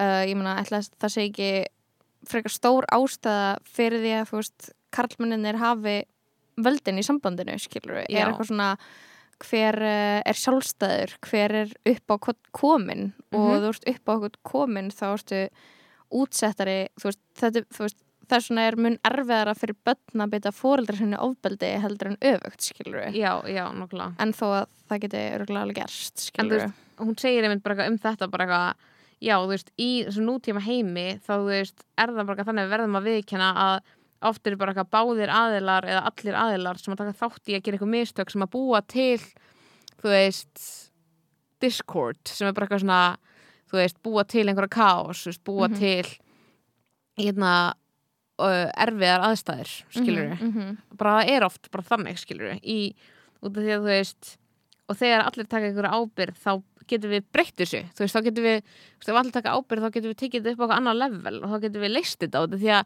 hún er líka bara hennar pointi er bara mjög svona fullt af einhverju von, skilur, það er mjög hópfúl því hún er bara eitthvað svona um leið að við getum tekið ábyrgð á okkar hlut og við getum að því að hún er bara segja all, allt, allir erfiðleikar á milli mannfólks Mm -hmm. getur mannfólk leist Mm þú veist, sem ég Mhm. veist bara úrslega svona hérna bara, þú veist, að það er úrslega mikið verið eitthvað erfitt skilur stundum, veist, í þessari umræði við getum list, veist þessi þetta skilningsleysi skilur á milli okkar en við þurfum þá að taka ábyrgð, það er bara rosa mikið ký bara power struggle eða power over veist, það er basically svona skilgringa munurinn veist, -hmm.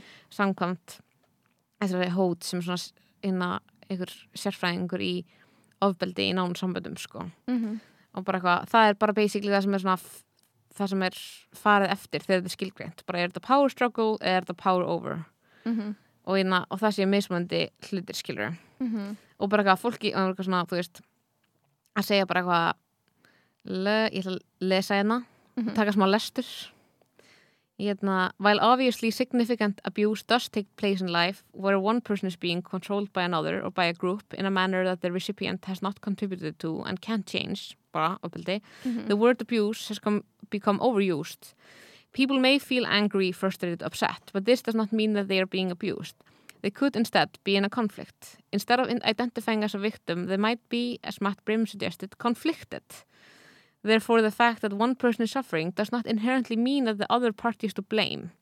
The expectation that we will never feel badly or anxious or confused is an unreasonable expectation and doesn't automatically mean that someone else is abusing us. These emotions are part of the human experience. Sem vist, einmitt, ekki áhugavert. People may not know how to make things better, how to look at their own participation, how to deal with feeling badly about themselves.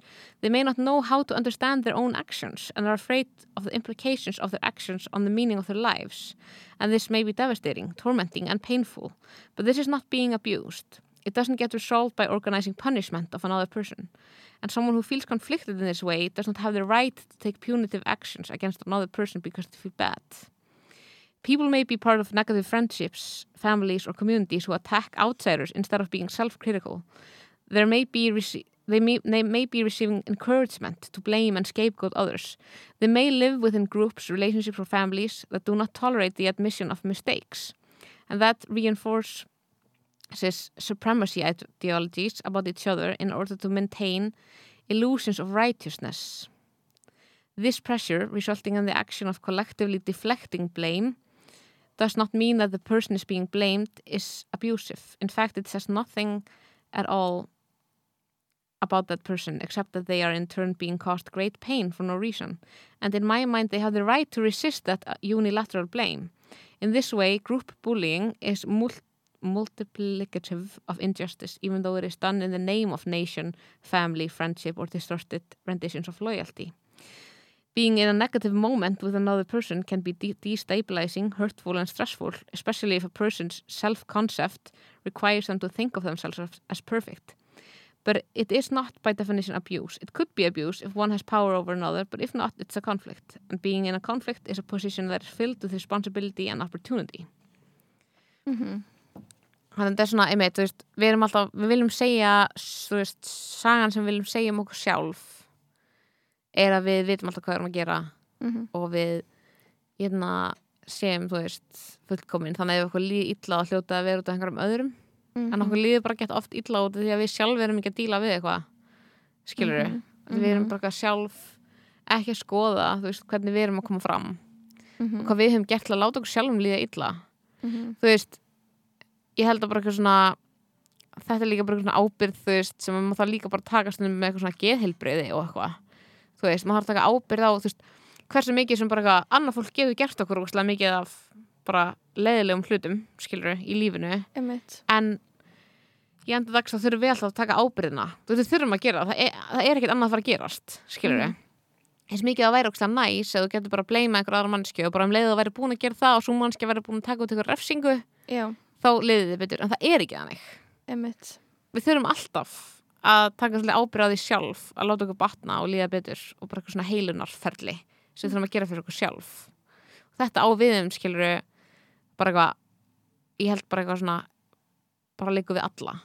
Þú veist, að því að flestir upplifa ekki í lífinu eitthvað hræðilegt hræðilegt abjús af hálfu annara en við upplifum fullt af konflikts. Einmitt. Þetta er þetta bóklúburinn sko. Já, já, einmitt get, já. Ég er bara eitthvað að hugsa um, um bókina sem ég kom með.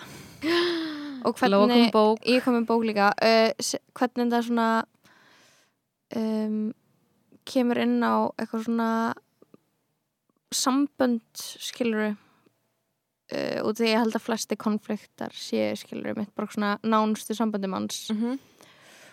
og ég veit ekki bara svona velti þetta sem sagt í bókina Communion uh, eftir Bell Hooks og hún Communion, The Female Search for Love. Og hún er, þetta er eiginlega svona framhald eða svona, já, eitthvað uh, fleiri pælingar um, í kjölfar annara bókar sem hún gaf út sem heitir All About Love, New Visions. Og hún er bara að tala um Bell Hooks er sérst feministi eitt svona helsti feminist feministki hugsur bandarækjana svona okkar tíma skilur við, Mhm. ásand fullt af öðrum, en hún er svona up there skilur við um, búin að skrifa ókslega mikið og hún er líka svört og skrifar um svona intersectional feminisma skilur við Mhm.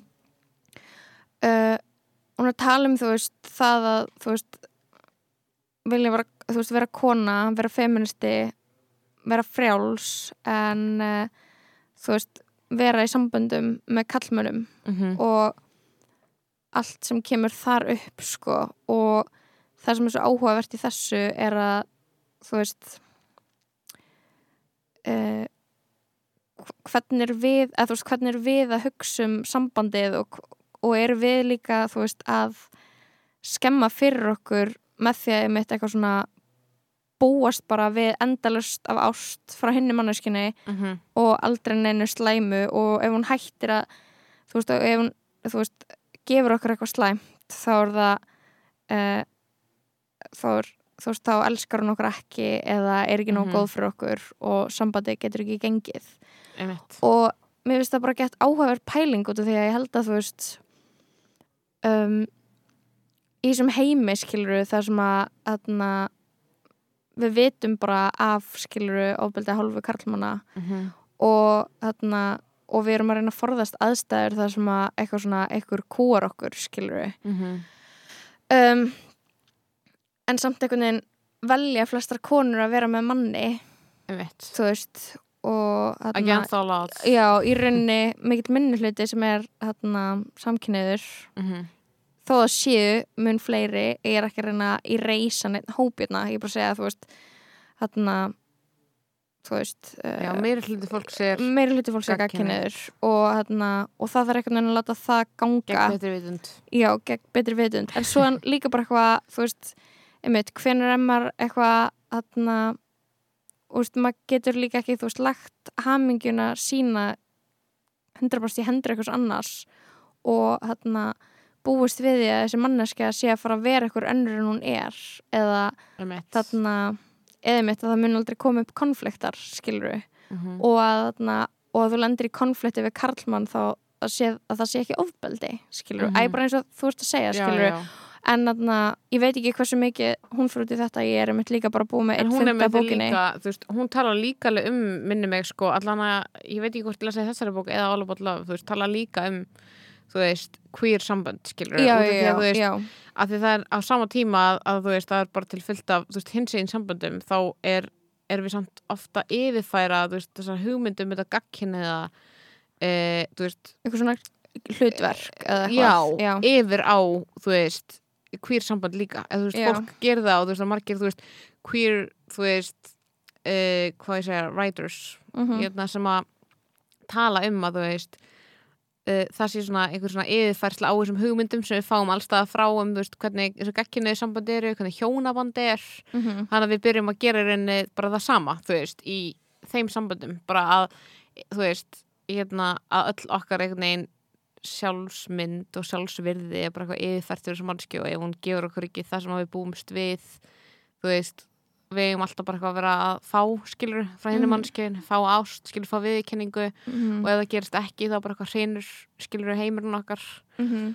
og hérna já, hún svona talar já, þú veist og það er Bell Hooks er bara svona, já, ég held að það sé klálega svona uppbóls minn svona feministki rithöndur Mhm. með kannski Roxanne Gay eða eitthvað Mhm. þú veist það sem að hún er bara að tala svo um svo sem alvöru samband af svona ókslega mikil alúð líka Mhm. Mhm. þú veist um bara eitthvað hvernig alltaf að díla við þetta þú veist, hvað einmitt að þetta er raunveruleikin okkar skiluru og Mhm. hérna, hann var ekkert flúin skiluru og um, hérna einhvern veginn skiluru þurfa hlutir að virka og eitthvað svona við þurfum að geta átt samskipti Mhm. og þó þau sé ekki alltaf góð því að, því er það samt þá að sambandi sé ekki gott eða, eða þessi að ástin sé ekki valið skiluru og hérna ég veit ekki, út því ég held að þú veist hérna e, kannski, kannski ég veit ekki hvernig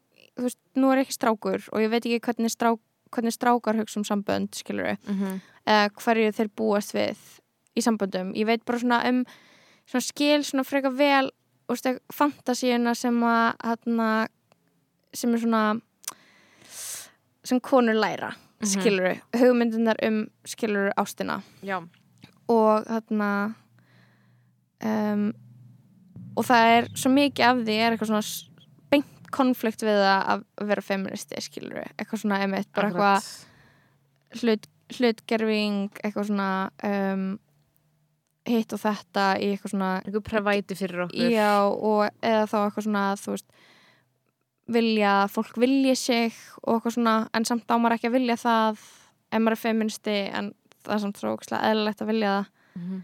og og eitthvað svona já þú veist hvernig veist, hvernig ætlum við að láta allt ganga upp á sama tíma skilur og að ég veit ekki fattur þú hvað, hvað er að tala um Já, algjörlega.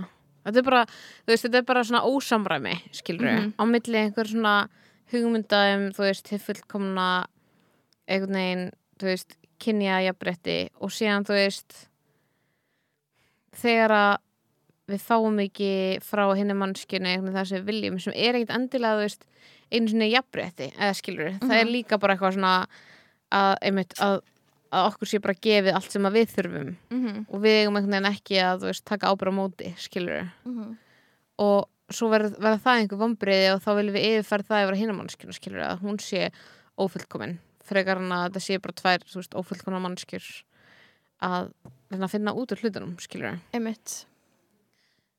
En þetta er já, og þú veist, maður er bara að díla þetta alltaf í daglegu lífi, skilur eitthvað svona þetta konflikt bara hvað á ég að þú veist að ég veit ekki, þú veist það er eitthvað svona það er svo margir sem eru, þú veist, það er líka bara svona í fjölskyldi gerðin okkar þú veist, við erum bara nýkomin af einhverju, þú veist, þú veist nýkomin inn á líka þetta tímabil þar sem að okkur finnst, þú veist, ástin eigi að vera svona þú veist, einu sinni var bara hjónaband og ást var bara eitthvað annað Já, Skilurðu? einmitt. Mhm. og núna eru búin svona saman þessar hugmyndir að þú veist að hjónabandið á að vera romantíst og já, Mhm. að þú veist hjónabandið var bara praktík skilur, Mhm. þú veist, þú veist bara og ég meina Já. þú eða þú veist, núna er þetta eitthvað svona samband sem á að þú eitthvað svona, já, mitt vera ógeðslega fungerandi fyrirbæri í lífininu og þú veist, fólk er bara eitthvað svona basically að lítinn lítil fyrirtæki. Einmitt. En samt, þú veist, einhvern veginn erum við líka brainwashed að því að halda alls konar hluti um ástina. Mhm. eitthvað svona, það var þetta sem ég var að reyna að tala um á hann með eitthvað svona fantasíunar manns um ást, skilur að þarna strax svo ferða að gera allar þessar praktíska hluti, hluti með mannsku og ert með henni okkur minnsta degi Mhm. og þarft að, þú veist, eitthvað fara í konflikta og, og þarft að gefa eftir í alls konar hlutum og pottit eitthvað svona uh, aldrei, maður er eitthvað aldrei sjálfur eitthvað fullkomin eða alltaf ekki eitthvað skapi eða hefur óslega mikla ást að gefa skilur Mhm. og þarna og þessi hlutir það er svo ógæslega erfitt nema í um eitt geðið mikill sjálfsmeðutund og, og þarna og bara svona eitthvað að hafa ítarlega ígrundaða og vera bara með geðigan vilja Mhm. skilur og bara báðir aðalega með geðigan vilja þú veist, og skilji að þetta sé ekki alltaf að fara að vera æði Mhm. já, nokkulega en þú veist, þetta er, það, ég held að þetta sé bara að gera ógæslega mikið, ég held að þetta sé að gera fólk óhæmmingisamt að halda að það sé eitthvað að út í að það er ekki hæmmingisamt einmitt every moment of the day. Já, já, nokkulega og bara eitthvað, en út í því að svo mannski er ekki til. Mhm. eða þú veist, ég, ég held að sé klálega að vera með mannesku sem gerir þig meira hammingusama heldur en einhver önnur eða skiluru, þú veist, það Mhm. lí, lítur bara að vera. En það er held ég bara fyrst og fremst ef bara báður eru ekki til í að reyna. Einmitt og, og á við um, þú veist, öll önnur náinn sambönd sem að við erum kannski, þú veist, bara þess að fóreldramanns þú veist, maður á ekki alltaf bara konfliktlaus, þú veist, sambönd við þau eða bestu vini sína. Maður hefur rifist bara heftalega við bestu vini sína mm -hmm. fundið út því, skilur við, maður leggur Mhm. samt ekki alveg sama sem við pressu á það, sko, það sé alltaf bara Nei, það geggjað, líka því að maður er alltaf kannski með þessari mannskju, skilur við Já, um eitt og bara eitthvað svo mikið um, þannig að já, þetta er svona eitthvað pælingi sem ég er með smá með núna er bara eitthvað að ég held að ójafvægið og það er svona er kannski mikilvægt fyrir konur og náttúrulega líka kalla að lesa þessar bækur er að þú veist, ég held að ójafvægið sé smá þar að þú veist kallmaðurinn í sambandinu er ekki, er, þú veist, auðvitað eru til strákar sem eru með eitthvað idealized hugmyndir um konuna sínar mm -hmm. en ég held að sé bara að gangja svolítið lengra hjá konum sko að finna þú veist, Mr. Right skilur Já, að, þarna- að þegar hann stendur sig ekki þú veist, það er svo mikið vonbriði mm fattar mig? Já, og algjörlega því, mér finnst að það er alveg oftar stelpur sem hætta með strákum, skilur Já, í kringum okkur kannski. Já, í kringum okkur, okkur svona út af því að þú veist Ég myndi alveg hafa mjög mikið áhuga á því að það var einhver að heyra hvernig einhvern veginn þessa vænting en þú veist, já, akkurat. Þú veist, ég bara, já, bara hva, þú veist, e, gerum við okkur og þetta er geð skrítið því að ég hef og oft og hugsa sjálf um að bara eitthvað auðvitað átti ekki að vera með einhverjum sem þú veist, þetta gengur ekki upp með átti ekki að vera í einhverjum sem er ömulegt en Mhm. þetta er ekki það þetta er þarna manneskjan, þú veist, ég er að tala um sambandið með manneskjanu sem þú vilt vera með mm -hmm. og þeir eigi líf saman og er, þú veist, bara eitthvað sambandið er gott en Mhm. þú veist, það er eitthvað svona einmitt, konfliktar sem komu upp sem láta það liða illa út af því að það er eðlilegt. En út af því að það brýtur niður þessa hugmynd um þetta fullkomna mm -hmm. það sem að þú fær ást og praktík og erotík og samstarf og þeir eru líka bestu vinir bara eitthvað, þetta er Mhm. styrla til að byggja, byggja um frá einni mannesku Já, akkurat, ég held, Líka bara all the time, skilur já, mánudag til já, föstudags og svo um helgina. Já. og bara eitthvað, þetta er svo mikið. Einmitt.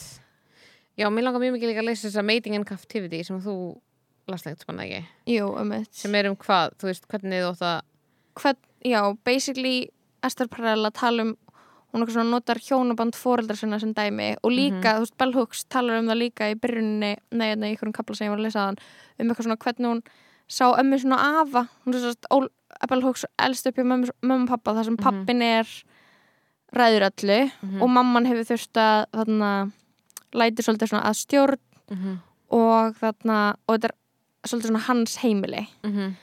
uh, og svo er hún, horfir hún svona til ömmu svona afa og þar ræður mam, amman, skilur og þau eiga sikkur herbyggin já, já, og, og eitthvað svona og, og það er ekki út af því að þau hata hvort annað heldur út af því að þá faraðu minni töðunar okkur stöðru mhm, og því að þá getur bara bæði haft sitt herbyggi eins og þau vilja hafa það.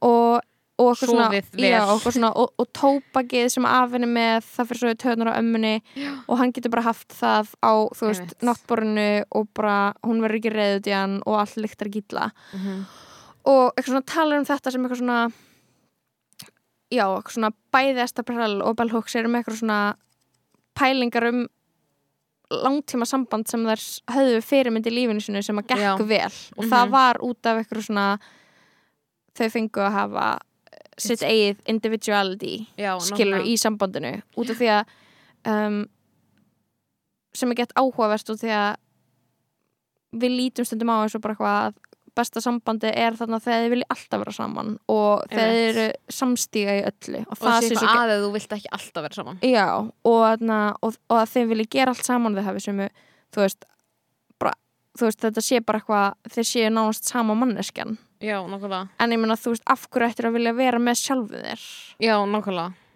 Algjörlega og ég held að þetta sé líka, veist, ef að núna væri eitthvað svona, eitthvað sofi ekki saman, saman í herbyggi, er bara svona eins og eitthvað bara döðadómur, skilur við, þegar það er bara hljómar óslega praktíst, bara, þú veist, ég er bara eitthvað oft, bara eitthvað að vera að djóka með þetta við kærasta minn, skilur við, og bara eitthvað svona stundum, að þú veist, að þetta er svona dæmi sem er svona, þess að fyndi þegar fólk eru svona, tekur líka því sem þú segir sem svona, ok, you hate your boyfriend, eitthvað svona, Mhm. skilur við, mm -hmm. Þegar að, þú veist, bara við verið bara eitthvað, því þú veist, það er eitthvað svona feist það sem er eitthvað svona, þið veist, ókslega næsa bara eitthvað vera alltaf að kúra og eitthvað. Og svo kemur líka bara eitthvað tíma að þú ert bara eitthvað ekki þreyttur og það verður bara stundum svona pirrandi að sofa í einhverju, þú veist, Kremju. rúmi kremju með maganiðinum Og- og, og kannski batniðinu, skilur Já, og tala ekki um þegar þið bara eldri og eitt byrjar að hrjóta. Eða skilur nákvæmlega. og bara allt og er þetta. að að og þá var, við með tveim svefnherbyggjum, þannig að þegar við myndum vilja sofa bara eitthvað ein þá myndum við gera það, mér finnst það bara næstundum mér finnst næst að sofa ein, skilur mm -hmm. og það er ekki það hefur ekkert með hann að gera, skilur Nei, út af því að líka bara að við, við spör, ætlum við að spara þú veist alltaf líkamlega nánd og bara eitthvað svona allt þetta allt, eitthvað svona kærleikan fyrir bara svona augnablikið þegar þið eru að sopna já, þegar eru verst upplögð. Já, nákvæmlega. Þú veist, í staðan fyrir að það sé eitthvað svona einhver kúra- vilji með því, já, eitthvað svona þ- þ- þið vil, já, bara mér langar að kúra, þannig að mér Já. langar núna að vera saman í rúmi. Já.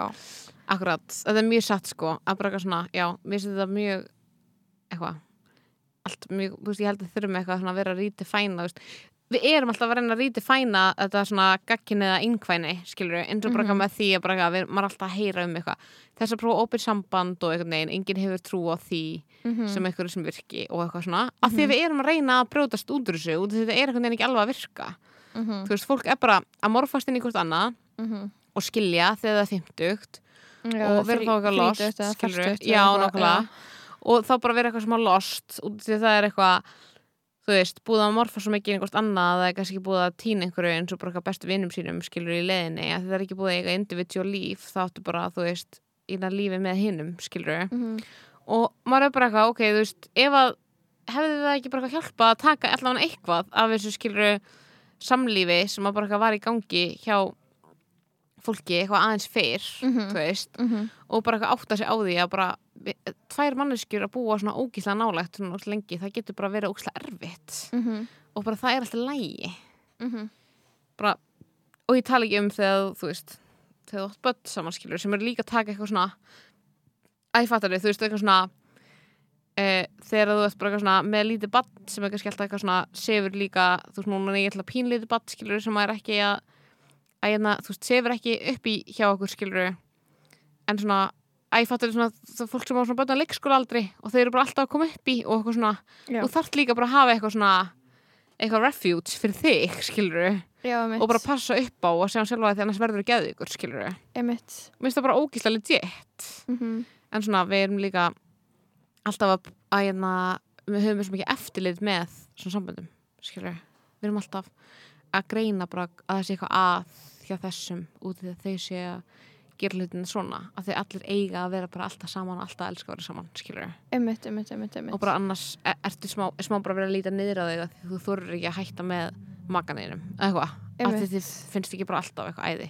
Þú veist, ég bara segja sem ég er segum líka, skilur mhm. að vera bara, ok, þessi er áttin sambandi there's a problem, skilur Já, bara eitthvað, allir fyrsta leið hvað kemur mér það við skilur já, og bara eitthvað hvernig fólk heldur að haga sínu shiti, kannski gengur það, kannski gengur það ekki skilur og, og einhver eitthvað einkvæni þar sem að fólk bara aldrei hefur ekki hugsað um að soja öðru fólki það getur alveg eins enda illa, skilur Nákvæmlega. Nákvæmlega. Ok. Exactly. Mm -hmm. Æ, ég ætla að segja eitthvað meira um eitthvað að eitthvað um ábyrð kvenna eitthvað svona í þessu öll saman. Ég er ennþá eitthvað smá eftir mig og til mér finnst ég hafa mér finnst þess að ég hafi talað um að þarna eitthvað svona um fórnalömbin og, og konur sér alltaf fórnalömb og eitthvað en ég veit það ekki fattar það hvað ég á við Já, en þú veist, málið er að við erum náttúrulega, þú ert náttúrulega að tala líka út frá sjálfið þér og því að við erum konur, skilur Mhm. þannig að við erum, að- þú veist, það væri erfitt fyrir okkur að tala um við höfum talað um ógislega mikið eitthvað ábyrð karlmanna, skilur en það er alveg eins mikið eins og ég var að tala um þessari bók bara hvað, Mhm. þú ert ekki að gera vinniðinum greiða með því að samþykja alltaf bara allt sem þið segja skilur Mhm. um, og þú veist, við höfum bara oft talað um það og mér finnst alveg basic að bara eitthvað tala út frá sinna eigin reynslu að því bara eitthvað vera einhver íslensk kona, skilur Mhm. og vera bara eitthvað já, þú veist, hvar hef ég eitthvað skorast undan ábyrð, skiluru og langað, stundum langar mann brókslega mikið að vera manneskjan sem að er wronged, bara þegar maður rífst við vinni sína, eitthvað. Mhm. eða magasinn, skiluru, þá er maður bara mér langar brókslega mikið að vera manneskja sem er 100% rétt fyrir mér, Mhm. Gerða ekkert ránt það er eiginlega aldrei þannig. Og mér finnst bara svona ógæslega heilbrygt að eiga eitthvað samtal um það, það er ekki sama samtal og, og láta eins og konu sé að ljúa þegar, þú veist, þetta snýst ekki um það. Nei, konu sé að ljúa þegar það er hérna, lýsi hérna, þú veist, áreitni eða ofbeldi skilur, Já, við, já, við, við vitum að það er ekki þannig skilur, Mhm. Og það er ekki sama umræða en þú veist, auðvitað, já, ég fatt saman hvað meinar þess að maður er ofta eitthvað svona, að er ég að fara inn í einhver orðræð út af því að við erum líka alltaf að flokka uh, þú veist, við erum alltaf að draga fólk í dilka Og svona, þessi því- hópur segir þetta og þessi Já. skoðan tilhör þessum hóp og já, eitthvað, ef þú segir þetta til já. er þessum hóp já, og eitthvað svona, en þú veist, mér finnst þið bara ekkert vera á þeim nótum, þú veist, við erum að pæla í þessum núansum skiluru í einhverjum samskiptum og bara átt okkur á því að við getum eiginlega ekkert meira gert en að bara pæla í okkur og okkar ábyrð í hlutum og hvað við getum gert til þess að bara gera hlutina betri í kringum okkur mhm, mhm. við tengir, erum alltaf að taka þessi ábyrð skiluru tengir við samt öðna, að vera skiluru hrætt við karlmenn skiluru og mm -hmm. þarna í svona spái þú veist ég man eftir svo ógeðslega skýri shifti að þarna ég var í Breitlandi og bara og Me Too gerist í fyrst skipti og ég las ógeðslega mikið af kynfyrsofbildi sögum og mér bara byrjaði að líða verð á almannfæri Mm -hmm. heldur en nokkuð tíma náður og, og síðan þá það var, það var ekkert komið fyrir mig síðan þá það var engin áreitt mig út á götu. En mér er samt búið að líða verð til dæmis sent á kvöldin og okkur svona. Og, og ég bara svona bara að hugsa um að þú veist já, ég er bara eitthvað að hugsa um hvað er líka ömulagt að vera svona hrættur skilur við og, það og er líjandi og það er, Já. það er kúunartæki líka skiluru að, að vera alltaf einhvern veginn að lifa í einhverjum ótta þú veist, við bara sjálfa mann skiluru já, og, og ég er bara svona þannig.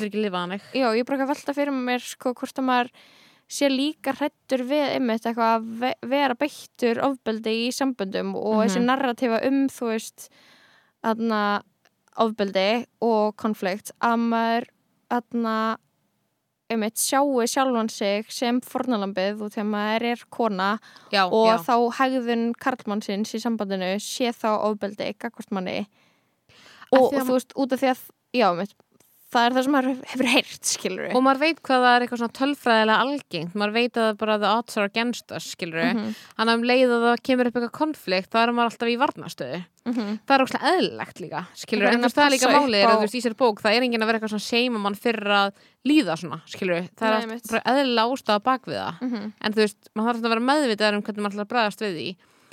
við þetta er óslega eðlilegt að þú veist, að ég, en það er bara svona einhver, einhver eitthvað kallmaður hækka rómun gagvart manni, skilur maður hugsa bara eitthvað, og hvað þetta eskaleitar skilur Mhm.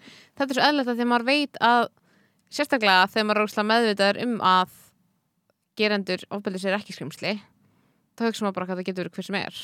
Einmitt. Það er alltaf skililegt, skilur að maður bara eitthvað þú veist, ég get lendi í þessu hvernig sem er maður hefur meir áhyggjur að því að verða fyrir ofbeldi en að beita ofbeldi, skilur en líka, en líka punkturinn áðan sem þú sagðir þegar vorum frammi og varst að tala um aðna, þessi tilhneing til þess að maður þarna uh, ef maður er sakaður um eitthvað og maður vilji og maður reynir strax að neyta fyrir það mm -hmm. veist ekki hvað, þú veist Jú, hvað ég er jú, að tala um jú. já, já, aðna mest þetta ókslega áhugaveru punktur út af því að við erum búin að vera að tala um þú veist bara eitthvað þessi gerði með þetta og þú veist alveg hvað þú gerðir og manneskjan er bara nei, ég, ég gerði þetta ekki og þarna og trúir því alveg að hún hafi ekki gert neitt rámt, skilur Einmitt. og hvað það er eitthvað svona að þú veist með svo góða leið til að orða þetta sem var eitthvað svona það er ekki okkur eðlislegt að vera sökuð um eitthvað tengja ekki við að hafa gert það en samt játa sem er svolítið mikið svona krafan í þú veist Já. nýjustu bylgina af Me Too Mhm. bara eitthvað e- eins og þessar þessar svona conflated yfirlýsingar um eitthvað svona allir hafa farið yfir mörg ef einhver segir þér að þú hefur beitt hana ofbeldi þá eru alla líkur á því að þú hafi gert það sem er bara svona Mhm.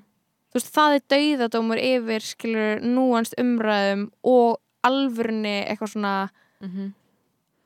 þú veist, ofbeldislausu samfélagi Já. út, út af því að við getum þá ekki fara að bullja fólk í að þú veist, játa á sig eitthvað ofbeldi sem það beitt ekki já, nokkulega ef að ofbeldi var ekki ofbeldi heldur bara eitthvað annað skilur sem getur alveg verið, já. Já, það er líka bara eitthvað svona að það er ekki eðlið neins að þú veist, einhver segir eitthvað að þú hérna, beitti með ofbeldi ef, ef að þið tengi ekki við það þá er, þú veist, þá er það ógeðslega skeri út af því að þú veist, það er ekki eðl okkar að taka eitthvað á okkur sem við gerðum ekki, skilur við Mhm. og þú veist, málið er að það er eitthvað svona veist, það til siðblind fólk, skilur við Mhm. sem að bara mun segja bara nei, nei, mun aldrei sjá sinn hlut í einhverju Mhm. og það bara þýðir ekki að Mhm. mun, eitthvað samtali við mun það alltaf gasluta mun En- alltaf, já En segjum að sé eitthvað svona konflikt aðstæður skilur þar sem að þú ert að segja bara eitthvað þú verður að taka á þig þar sem ég segja að það hafi gert þá ertu í raunin að loka á þetta samtal líka þú veist, Mhm. ef það er eitthvað conflict situation skilur bara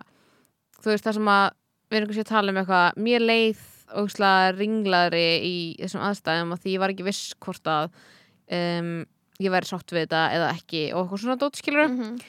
þar sem að þú veist um, ef að hinumannskjan tekur fullkomlega bara ábyrðina skilur þá erum við einhvern veginn ekki að þú veist, komast á neitt annan level með það og því þá er samtalinu bara lokið og þú veist, Mhm. þá, þá erum við ekki að brjóta neitt svona cycle af einhverjum miscommunication akkurat, akkurat þú veist, þá erum við ekkert að þú veist, komast á þann stað að mannskjan geti eitthvað fattað, já ok, þetta var minn hlutur í þessu, Mhm. þú veist uh, hvað var að gerast í þér og hvað var að gerast í mér, af hverju brást ég svona við og af hverju gerði þú þetta, Mhm. þú veist og, og hérna, það er ekki alveg sama og einhver siðblindur að vera eitthvað, nei, ég hef aldrei gert neitt rámt á æfi minni, skilur Mhm. Mhm. og hérna, ég held að stundum séu það að konfleita úkslega mikið af aðstæðan við þetta. Veist, það er ekki alveg það sama að vera uh, siðblindur ofbeldismæður sem að brýtur á fullt af fólki og mun ekki hætta því nema að vera stopp, stoppaður af bara eitthvað yfirvöldum skilur Fangelsaður, skilur, já. Og að vera eitthvað svona gera eitthvað vittlust í aðstæðum sem við gerum öll. Bara nú er ég að tala um bara að það getur verið áreindi skilur Já, bara eitthvað. Getur verið mislestur á þessu, svona, þessi, Á- þessi gráu svæði sem við lendum á skiluru í svona einhverjum samskiptu kynjana uh, sem er bara ekki alveg það sama. Þú veist, það er ekki það sama að einhver manneskja, mislis eitthvað og eigi síðan að taka á sig bara að vera bara shunned forever Mhm. út af því að þessi manneskja er ekki henn er ekki óviðbjörgandi skiluru, veist, það er eitthvað eitthvað starra í gangi og það þýðir ekki að manneskja, negi ekki rétt á að líða illa við því. Mhm.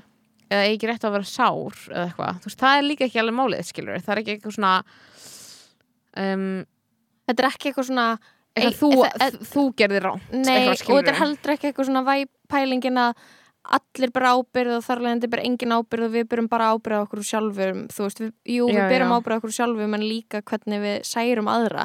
Þetta er ekki eitthvað pælingin þú veist, æ, fattar mig eitthvað Já. Mhm. svona að uh, enginn sé í raun og vera að gera eitthvað rámt en þú veist, við töpum líka svo fucking mikið þegar við gerðum eitthvað þrjá gauðra í heiminum að bad guys fyrir kynfyrirsóbildi þegar Mhm. að, þú veist, kynfyrirsóbildi er bara eitthvað bara, par, bara systematist og partur af kerfin okkar og, og bara eitthvað allir taka þáttu í konur og kallar ekki, ekki sem eitthvað svona allir taka þáttu í konur og kallar ég bara meina skilur við búum í eitthvað svona perra, pedofíliu nöðgunamenningu Mhm. skilur og það er, við getum ekki tekið þrjá gaurar umferð og vera eitthvað þú veist it's done. Já, já, það er, veist, það er bara eitthvað svo mikið mistök og það er svona allir sem að gera eitthvað líka slæmt eru þá ekki fucking Harvey Weinstein, skilur já eins og þú veist, hún tekur dæmi sem er eitthvað svona hún var að kenna einhverju listamanni mm -hmm, og einhverju ungum listamanni. Mm -hmm. og bara var gett að peppan og hann tilherið einhverjum svona jaðsættum hópi og hún var bara svona, þú ert óksla flottir það sem þú að gera. Og átti í svona, þú veist Já, settum hópi, svona hann var Já. eitthvað Já, eitthvað þannig, eitthvað from a marginalized and oppressed community whose work I very much liked eitthvað svona, Ok, okay. hún bara eitthvað fílaði bara einhver sem að bara, hún bara fílaði persónulega og fílaði listina. Mhm, uh, já, eða bara eitthvað, það sem var að gera í skólanum, þetta var bara eitthvað nemi skilur við, mhm, og, hérna, og svo kemst hún að því að, að hún er kona, eða veist, hún er já, og hún er lesbía, skilur við og þannig að þú veist hún kemst að því að hann er með eitthvað blogg uh, þar sem hann er að tala um að skrifa um að hann sé ástfangin af henni. Og hann er þú veist nefandinn hennar og hún er bara ok, þú veist, þetta var bara svona í byrjun, þú veist, bara net tímans skilur mhm, og var svona að skrifa eitthvað um hvernig hún leit út og eitthvað tala um tilfinningar sínar gagvart henni og Oh svona God. deila einhverjum upplýsingum um lífið hennar sem hann svo bara mjög óþægilegt. Já, og hérna, mér finnst þetta gett áhugavert af því ég held að ég veit ekki hvort ég hefði verið með sama stans og hún, skilur já, og hún bara eitthvað svona uh, var eitthvað svona recognizar í því, þessari endursögn út, út frá þessu að þú veist, eitthvað sem hann hafi sagt um útlitið hennar hafi svona verið um eitthvað sem hún er óörug yfir þó að hann hafi verið að meina á jákvæðan hátt skilur og það svona triggeraði svona hann fannst þetta ógilt óþægilegt. Og hún svona fann að hún var að reyna að breyta einhverju við sitt útlit, svona útfræði sem hann hafi sagt og eitthvað svona. Mhm, og hérna og en áttaði þess á því eitthvað svona ef hún væri ekki óörug akkvart þessu þá hefði, hefði hún ekkert pælt svona mikið í þessu skiluru já, og þá hefði þetta hefði og hún talar við kollega sína í skólanum og allir bara eitthvað fyrir utan eitthvað einn er bara eitthvað ok, þetta er stolkar, þú erum stolkar skiluru, hann var stolkað já, og hérna og enginn svona laði til að hún myndi tal, ræða þetta við hann.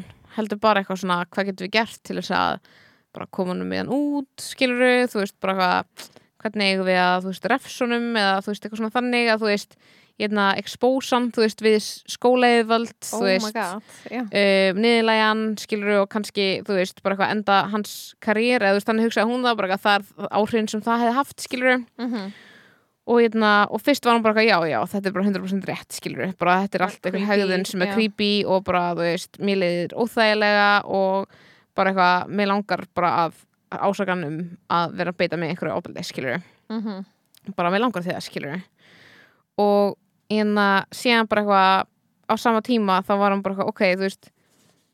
En það var samt óþægilegt hvað allir kollegarna voru óksla bara til í að bara, já, við tökum hennar gaur bara úr umferð, skilur og hérna og ætluðu bara ekki að ræða það við hann, skilur mhm, og hún hugsaði bara, ok, ég með bara, þú veist uh, tvo, þú veist, valkosti hérna. Bara eitthvað, vera sammála þessum hóp sem ég er að tala við.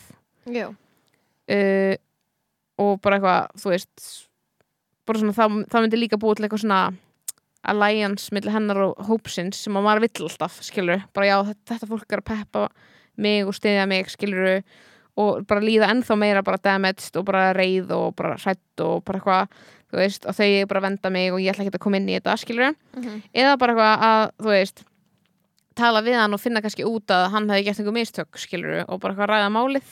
Mhm, og bara eitthvað ákvað að gera það. Og ég bara eitthvað, varst ekki ákvæmst að því ég er bara ekki vissum að ég myndi gera það skilur hvað ég meina já, mitt að hérna, ég er meira að sjá mig Þetta í er svo sporum- óþægilegt ég, samtal ég er svo mikið að sjá mig í sporum nemandans Creepy nefandinn Já, ég er bara að hugsa um hversu oft maður hefur bara lift sér að tala um eitthvað fólk á netinu Nákvæmlega Ég, get, ég geti nákvæmlega. verið Jón Já. Áskir stokkar Ná, ég er að segja það Skilur Ég mig? er að segja það, þetta er eitthvað svona þannig aðstæður Já, skilur, en einmitt. í þessu tilfelli þá er, þú veist, hún er einhvern veginn kona og hann er, þú veist, kall og, og æ, þú veist, og þetta er einhvern veginn svona Mhm. alls svona hlutir sem koma inn í, skilur og, og ég meina, og kannski er hann jaðarsettur á einhverju leiti, skilur líka, er bara svona meira einhver, einhver tendenslis að líta á hann sem eitthvað creepy og eitthvað, Mhm. og hérna hún var bara eitthvað, já, ég, bara, hún, hún hugsaði bara eitthvað, já, ég veit hvað stolking er þetta er- það er mjög alvarlegur hlutur, skilur þú veist, þetta er ekki eitthvað svona bara eitthvað að, ég er ekki alveg að, þú veist vera sammálaði að þetta sé það. Ok. Og bara eitthvað í staðin fyrir að gera það þá bara, þú veist, fór hún og bara talaði við hann Mhm. og bara reyna að finna eitthvað lausn á þessu og hún var bara eitthvað, heyrðu, ég get ekki verið lengur sleiðbendiðinn að því að mér finnst þetta óþægilegar aðtöðsandi sem þú ert að gera, skilur á netinu Mhm. og bara ég er til í að tala við þig bara í, bara in person skilur Mhm. bara ekki gegnum fólk eða bara e-mail og eitthvað og þú veist, og ég vil bara þú veist, færa þig samt yfir bara því það er óviðandi bara á þessum tímapunkti að ég, þú veist sjáu um verkefniðin, þó ég bara stiði þig í því þeirri starf sem þú ert að gera, skilur Mhm. og hérna og bara svona alls konar hluti kom på yfirborði sem hún var bara eitthvað, vá, ég hefði ekki getað komið staðis án þess að tala um, um þetta við hann. Og það var bara alls konar hlutir sem hún var eitthvað svona já, fatt að, þú veist, eitthvað ungt fólk væri með öðru sér samband við netið en hún, Já. þú veist fatt að bara eitthvað fyrir honum, hann var bara ekki að pæli í að það væri eitthvað skrítið að hann væri eitthvað á okkur bloggi að tala um kennaran sinn, skilur að skilur við Mhm. og bara eitthvað, hún fannst bara á þessu leveli að bara tala um einhverju erfiða tilfinningar sem hann hafi til kennara síns og bara deila einhverju upplýsingum um lífið skiluru, var bara gett basic fyrir honum og hann var bara eitthvað, ok, þú veist bara eitthvað, það var bara eitthvað svona aldursmunur. Og hún bara eitthvað áttaði sig á því í þessu samtali skiluru Mhm. og, og, hérna, og bara eitthvað það að bara, hún hafi verið fyrsta mannskjall að taka hann alvarlega á einhverju svona intellectual leveli skiluru, Já, bara eins og viðurkenning? bara viðkenning þannig að það, hann hafi bara rugglast á þeim tilfinningum og ást, skilur sem ég held að sé bara, þú veist, alveg algengt Hver skilur, hefur ekki orðið smá ástfangin á góðum kennara? nákvæmlega, sko, bara ándjóks og Þess vegna er ég að tengja við hennan gaur. Ég er bara svona fegin að ég, þú veist, bloggi var dögt þegar Já, ég var með nákvæmlega. kennara, skilur og, og hún er eitthvað svona, já, þú veist, ég hefði einhvern veginn þarna getað, þú veist, farið inn, í, inn á svæði, skilur, þólanda aðstæðina í þessu máli, en ég bara eitthvað sá mig ekki þannig og mér leiði ekki þannig, skilur þú veist, mér leiði raunin ekki þannig þú veist, hann að hún var bara gett ána með að bara hafa, þú veist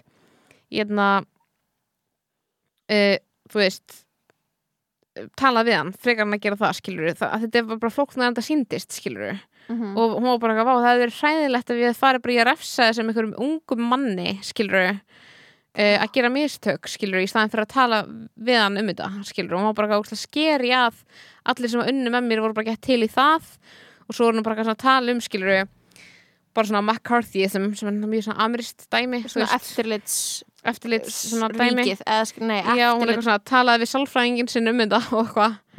Og þá var hann að tala um skiluru þá var þessi sálfræðingur hafði þú veist verið með fórtalum svona McCarthy sem að skiluru í, í, í sinni umsjá. McCarthyism er þegar allir fara að ratta hvern annan út, er það ekki? Er það ekki þegar þú veist þegar það var verið að komast að hver veri Russian spy og kommunist í bandaríkjunum. Mm right, Já, já, fyrir samhengi og hann er að tala um sko hvað hérna hvað áhrifum fólk sem að varð fyrir þessu þú veist, hvað svona, þú veist, sem sálfræði, þú veist, svona sjúklingar hans var fyrir. Og ég er verðilega að lesa þetta, þetta er bara mér ást þetta mjög áhugavert, bara svona um svona afleggingar þessa, þú veist, gera þetta í staðin fyrir að tala við fólk, skilur þetta er ekki alltaf að tala við fólk, mér ást þetta mjög bara áhugavert. Bara, he told me that some of his patients have found themselves caught up in the whirlwind smoke of shunning and innuendo, whisper campaigns and exclusions.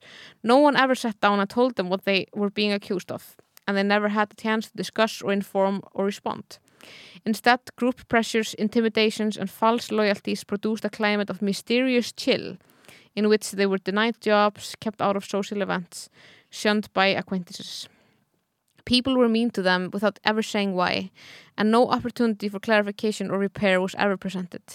These people found both the material and emotional consequences overwhelming, but even more so they were hurt by the amorph amorphous nature of the problem veit ekki hvað þér not being able to know exactly what they were charged with not being able to talk through the accusations never knowing where they could face these hostile expressions drove many people to extreme suffering Fuck. Even later, when classic McCarthyism was dismantled and delegitimized, these unnecessarily broken relationships could not be healed. My therapist explained to me, ok, so iconic að vera að tala við sálfræðingin um þetta, Mhm. tengi, uh, that taking extreme bullying actions like signing a petition against a friend or denouncing a colleague to others or to the state, as often happened under McCarthyism, was so extreme in its pathology that the participants could never repair. repair. They were so defended against the reality of the injustice of their own action that they couldn't reconcile it to their false image of themselves as righteous. Þú veist, í rauninni bara eitthvað svona, þú veist, einmitt, þeir gátt ekki tengt, skiluru, bara eitthvað sína sjálfsmynd við það sem þau voru sagarum, Mhm. skiluru, Mhm. eins og vorum að tala um rauninni. Uh, in listening to him, I came to believe that the same personality type who would ice out or attack someone without talking to them first out of false, innan gæslappa, loyalty would be the same person who would later be unable to apologize. It's a character issue that becomes from building blocks of fascism or any supremacist construction. And for those people, a commonly held expectation or standard of asking targeted people what they feel or how they understand their experience could be a life-enhancing or even life-saving corrective. Mér finnst það Þetta er geðut. ekki Sko. Þegar við erum skilur sjálf orðin einhver, einhver eftirlitstofnun með hvort öðru með hegðun hvort annars skilur við Og erum án þess að tala við það beint, sko. já og bara eitthvað veist við þurfum já við bara svona við refsir bara fyrir ranga hegðun bara með einhverju einhverju Með sálfræði með, sem já, með, já bara svona sálfræði hernaði skilur sem Mhm. allir kunna beita þú veist Mhm. útilókun og, og alls konar skilur og þú veist þannig að við getum bara stöðut verið að beita hvort annað ofbeldi og kúa hvort annað uh, það, þarf, það þarf ekki að vera skilur nasista stjórnina og til að við erum bara nasista við hvort annað Mhm. með því að þú veist Já. vera, einmitt, að fylgjast með hvort öðru og svo refsa fyrir ranga hefðun Mhm. Og þú veist, höfuð bara svona villan í held ég að sé bara svona þessi skortur á samtali. mm -hmm. Þú veist, og það er alltaf ógst erfitt að því við erum alltaf búin að búa til kerfi eins og þú veist, að því við vorum að tala um eitthvað Me Too og svona við erum búin að búa til kerfi sem er ógíslega erfitt að fara í gegnum réttakerfið með þeir skilur það er bara ógíslega, já, tekur ógíslega mikið á það er mjög mikla líkur að það ekkert, ekkert réttlæti, skilur mm -hmm. og ég menna, þú veist, hvað réttlæti er til fyrir að þegar þú veist, þú ofbeldi Mhm. en þú veist, á sama tíma þá erum við með eitthvað svona um, þú veist, þá erum við að beita líka þessari aðferð á sko ógeðslega mikið af fólki og ekki fyrir ofbeldi endilega, Mhm. þú veist, heldur bara eitthvað eitthvað óljóst sem að okkur finnst það hafa gert vittlust eða sagt vittlust eða orðað vittlust og erum bara svona tilbúin til þess að þú veist, beita einhvern veginn þú veist, einhvern veginn mjög drastískum eða skilur, þetta er mjög drastískar aðferðir fyrir fólk veist, ef að það færi ekki að byrja hönd fyrir höfu sér, veist, það færi ekki að segja bara þú veist, bara fá að vita hvað, veist, hvað það gerði og hvað það á að gera skilur en þetta er líka, þú veist en þetta er líka ógæslega erfitt því að þú veist, maður að hugsa bara eitthvað ef ef ég er að hugsa um, þú veist, þetta Mhm. það er líka bara eitthvað að hugsa um einhver máli eins og þú veist bara fyrst sem kemur upp í hugan sem veist, að því ég er alltaf bara að finna eitthvað svona, já, en þetta passar ekki alveg inn í það. Og það er alltaf leið, út af því að þetta er bara óslega núansar að dæmi, þú veist, þetta er ekki þetta er ekki eitthvað, eitt sem getur að plæja á allt. Bara ef ég er að hugsa um eitthvað, þú veist, borgarleikusið og allarafsmálið, skilur Mhm. þar sem að, þú veist, máli var annað ok, ég veit ekki hvað ég á að hafa gert og eitthvað svona, skilur Mhm. og mér var ekki sagt það. Og þú veist, í þeim aðstæðum þá var bara mjög erfitt að informa manneski sem er mjög valdamikil Mhm. valdamikill leikari, skilur versus einhverjar manneski sem að vinna innan stofninarinnar og eru kannski ekki að valdamiklar, skilur það er algjörst bara, það er náttúrulega er svona issue sem er svona power over issue, skilur Mhm. uh, að því að það verða einhverju svona repercussions að gera það, skilur að því við vitum að það sem getur hins vegar gerst nákvæmlega sama við þólendur ofbeldis, skilur já, er að við refsum þeim fyrir að hafa, þú veist ég hef gert eitthvað óljóst eitthvað eðilegt mannorð eða eitthvað, skilur ég Mhm. með útlökun, með nákvæmlega sömu aðferðum skilur ég, við erum að nota þetta þú veist, það er einhvern veginn, þetta er bara eitthvað orðið eitthvað tól sem við erum að nota og útlökun er með þögul, skilur ég bara eitthvað, þú færð ekki vinnu í hann aftur. Það er enginn sem segir það við þig þú veist það bara, Mhm. þú veist. Að þú færð ekki vinnu í, í hérna þessar stofnuna þegar þú Gerðu þetta. þetta, þú sagðir þetta þú sagðir þetta upphátt, Mhm. skilur við þannig að þetta er svona mér finnst líka ógst áhugavert hvað mér finnst þetta að vera bara svona eitthvað tól sem að vera margir einhvern veginn að að nota þetta. Já, einhvern veginn bara svona báðir, eða þú veist, allir aðilar eða skilur sem já. koma að málinu. Já, en en en þetta er bara toxic, þetta er mjög eitrað skilur við, af því að þetta hefur svo sálran áhrif á fólk. Og við megum ekki alveg já, ég held að við megum ekki vann með það sko veist, Nei, en einmitt, og, og ef einhver er ofbeldsmaður og hann fær ekki að vita hvað ofbeldi, eða þú veist, hvað gerðist, Mhm. hvernig áttu þá að, þú veist, hvernig þá, hvernig þá samtali tekið og hvernig er þá betrun að fara að eiga sér stað hvernig, ef þeir eru alltaf inn í kifta götinu og þú sett í fangelsi ég meina, maður þekk, við þekkjum að báðar að hafa lent í því að einhverjum er illa við okkur og við, við ekki viljum bara vita hvað hlutur að var. Já, já, já, út af því að þá getum við skilið aðstæðunar nákvæmlega. Og það er ókslega ósangjant að vera Mhm. sparkað eitthvað út skilur við já, ég meina sama hvort að þú veist, hversu slæm gjörðin var eða hvort hún var meinleis eða ekki skilur það það er alltaf, alltaf betra að vita það. Já, en líka, þú veist, en það er líka nefnilega málið þegar þú veist, síðan er bara eitthvað já, veist, eins og við vorum að tala um bara nokkur þáttum skilur í MeToo þegar þú veist e, þólindir þurfti einhvern veginn að fara og eitthvað svona eitthvað að segja heiminum hvað gerðist. hva gerðist. Svona svo ósangjant út af því að þú átt ekki að þurfa að endur upplifa þessa hluti en við verðum að finna einhver aðra leið held ég, skilur hvað ég meina Mhm. Svo ég held að séum eitthvað tímútið við verðum að fara að finna einhverja einhverja alternativ leið út af því að þú veist, annarkvort þurfum við að gera það að verkum að réttakerfið sé þólanda vænt, skilur Mhm. þú veist, það er kannski eitthvað í gangi þá átt, ég veit ekki, en það er ekki að gera svona hratt en í mildtíðinu það þurfum að finna einhverja aðra leið Mhm. til þess að að því að ég held að öllum liði betur. Mhm. ef að þú veist, það er bara eitthvað samtal í gangi. En ég meina svo lengi sem að samtalið þú veist, þú getur ekki átt samtalið við silblendinga en þeir eru sem betur fyrir bara eitthvað mjög lítil minnluti, bara 1% 1% silblendingar Mhm. restin er bara eitthvað fólk. En ég hann að, þú veist, vá, það er ógæslega mikið í þessar bók sem ég get einhvern veginn ég get talað um þetta endalaust, sko. Conflict is not abuse eftir Sarah Schulman mæli með, mæli með, sumar Bóka- bókin. Sumarbókaklúburinn hvað ætlar að gera í sumarfríinu? ég er bara að fara að vinna sko, ég er ekki fyrir sumafrí já, Ok. okay. pot sumafríð Já, þykir ég, já, ég verð að vinna með eitthvað ref. Ok, vibes, mhm, vibaði það. En klálega Ég fór náttúrulega um helgina á tjaldsvæði. Það var ákveðin menningar upplifun sko. Já, nokkulega, ég var líka tjaldsvæði í brotnu tjaldi. En hvað Það er er svo ekki þú? stemning í tjaldi. Ég var úlfsvatni Mm. Það var bara family vibes og fullt fólk og börn og, og hérna bara svona fyndin stemning bara svona eins og svona öll millistjætt Íslands skilur hvað ég meina? Hva- Hvernig var stemmingin? Hvað var fólk að gera? Var það að drekka? Var það... Það var svona, nei, þú veist, það voru allir bara svona, þetta er svo fyndið, það er allir svona sem sína hotni, ekki endilega að mingla, en það er Nei. allir á saman stað, að Ná, gista. bara hvort bara mjög náttúrulega þau og bara svona getur heyrst bara ef einhver hekka röddina, skilur Mm -hmm. Eitthvað hnerrar. einhvern nærrar og það heyrði það, það er svo fyndið og svona einhver nágranna sem er alltaf einu bara, Akkur ok, segjum við ekki hæ?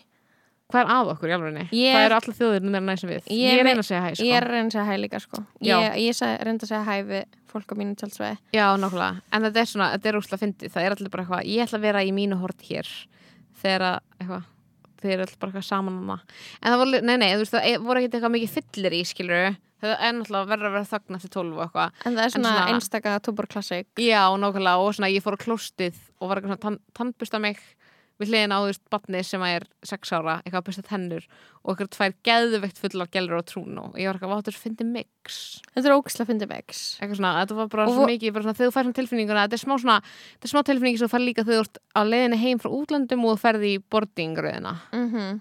og þú ert bara, já, Íslandingar það var svona þannig moment, skilur Mm. Here we are. here we In are all, in all our glory. nákvæmlega, það var bara minn almáttur. Það er bara ákveðin stúdía skilur því að maður er búin að vera eitthvað COVID maður er ekki búin að vera að hitta stóra hópa af einhverjum íslendingum. Skilur hvað meina? Mm og ég var alveg living sko, mér finnst það mjög skemmtileg reynsla sko. Bara fyndið að vera eitthvað fjölskylda á einhverju tjaldsvæði. Þú veist það bara fyndið fyndið demografi að vera í skilur allt í einu. Emmitt, emmitt bara Emma Family er tjaldsvæði. Já. Living sko. Ég var bara, það var bara kamar á mínu tjálsveið, ekstra og ég tengi meira við það útilegu skilur Já. mm. þegar ég var lítil að fór ég alltaf út veist, ég, fór fyrst í útilegu skil ég var sjöra eða eitthvað en það var alltaf bara einhvert skilur Já. Ég er svona, ég reyf úlpu, ég fekk lána úlpu á vini mínum og ég ætla að taka ykkur á stittri leiði gegnum grindverk og það var gattavýr og ég reyf gatið, það var svona áfall helgarinnar fyrir mig. Ég reyf gata úlpuna. Ég ætla að taka stittri leið er þetta story for life eða og ég, I failed. living Já. Um, já, ég hef ekki, ég hef ekki farið í svona, að fara á svona tjálsveði í háa herrans tíð, sko. Nei.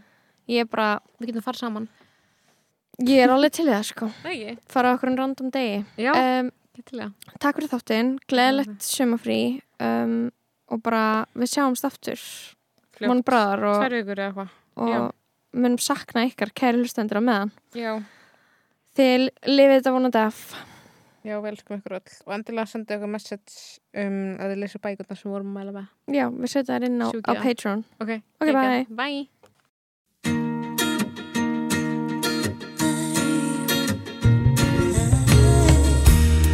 There's freedom within, there's freedom without. Trying to catch the days in a paper cup. There's a battle you never see the end of the road while you're traveling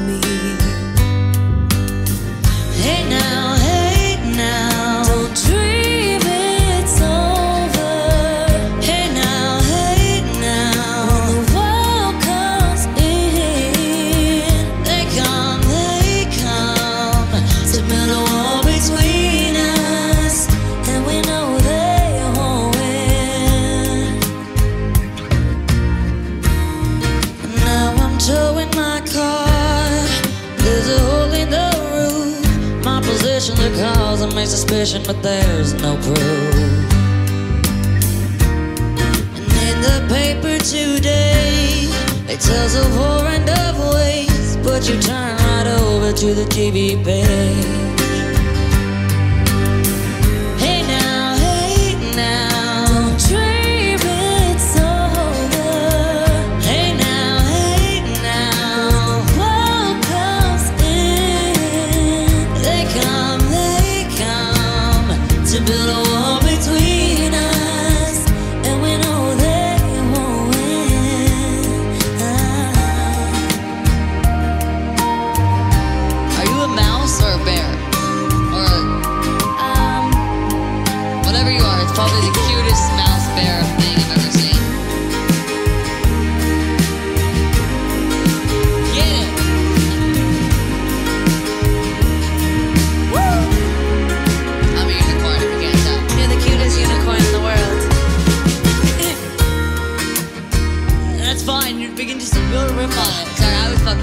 Riffing. Sorry. I was flirting. Sorry. Sorry, I was flirting. Sorry. Sorry. Alright, anyway. I'm walking again. No, sorry, I'll, I'll, I'll fuck off. Sorry, here we go. I'll start it. Here. Alright, here we go. Now I'm walking ahead to the beat of a drum, And I'm counting the steps to the door of your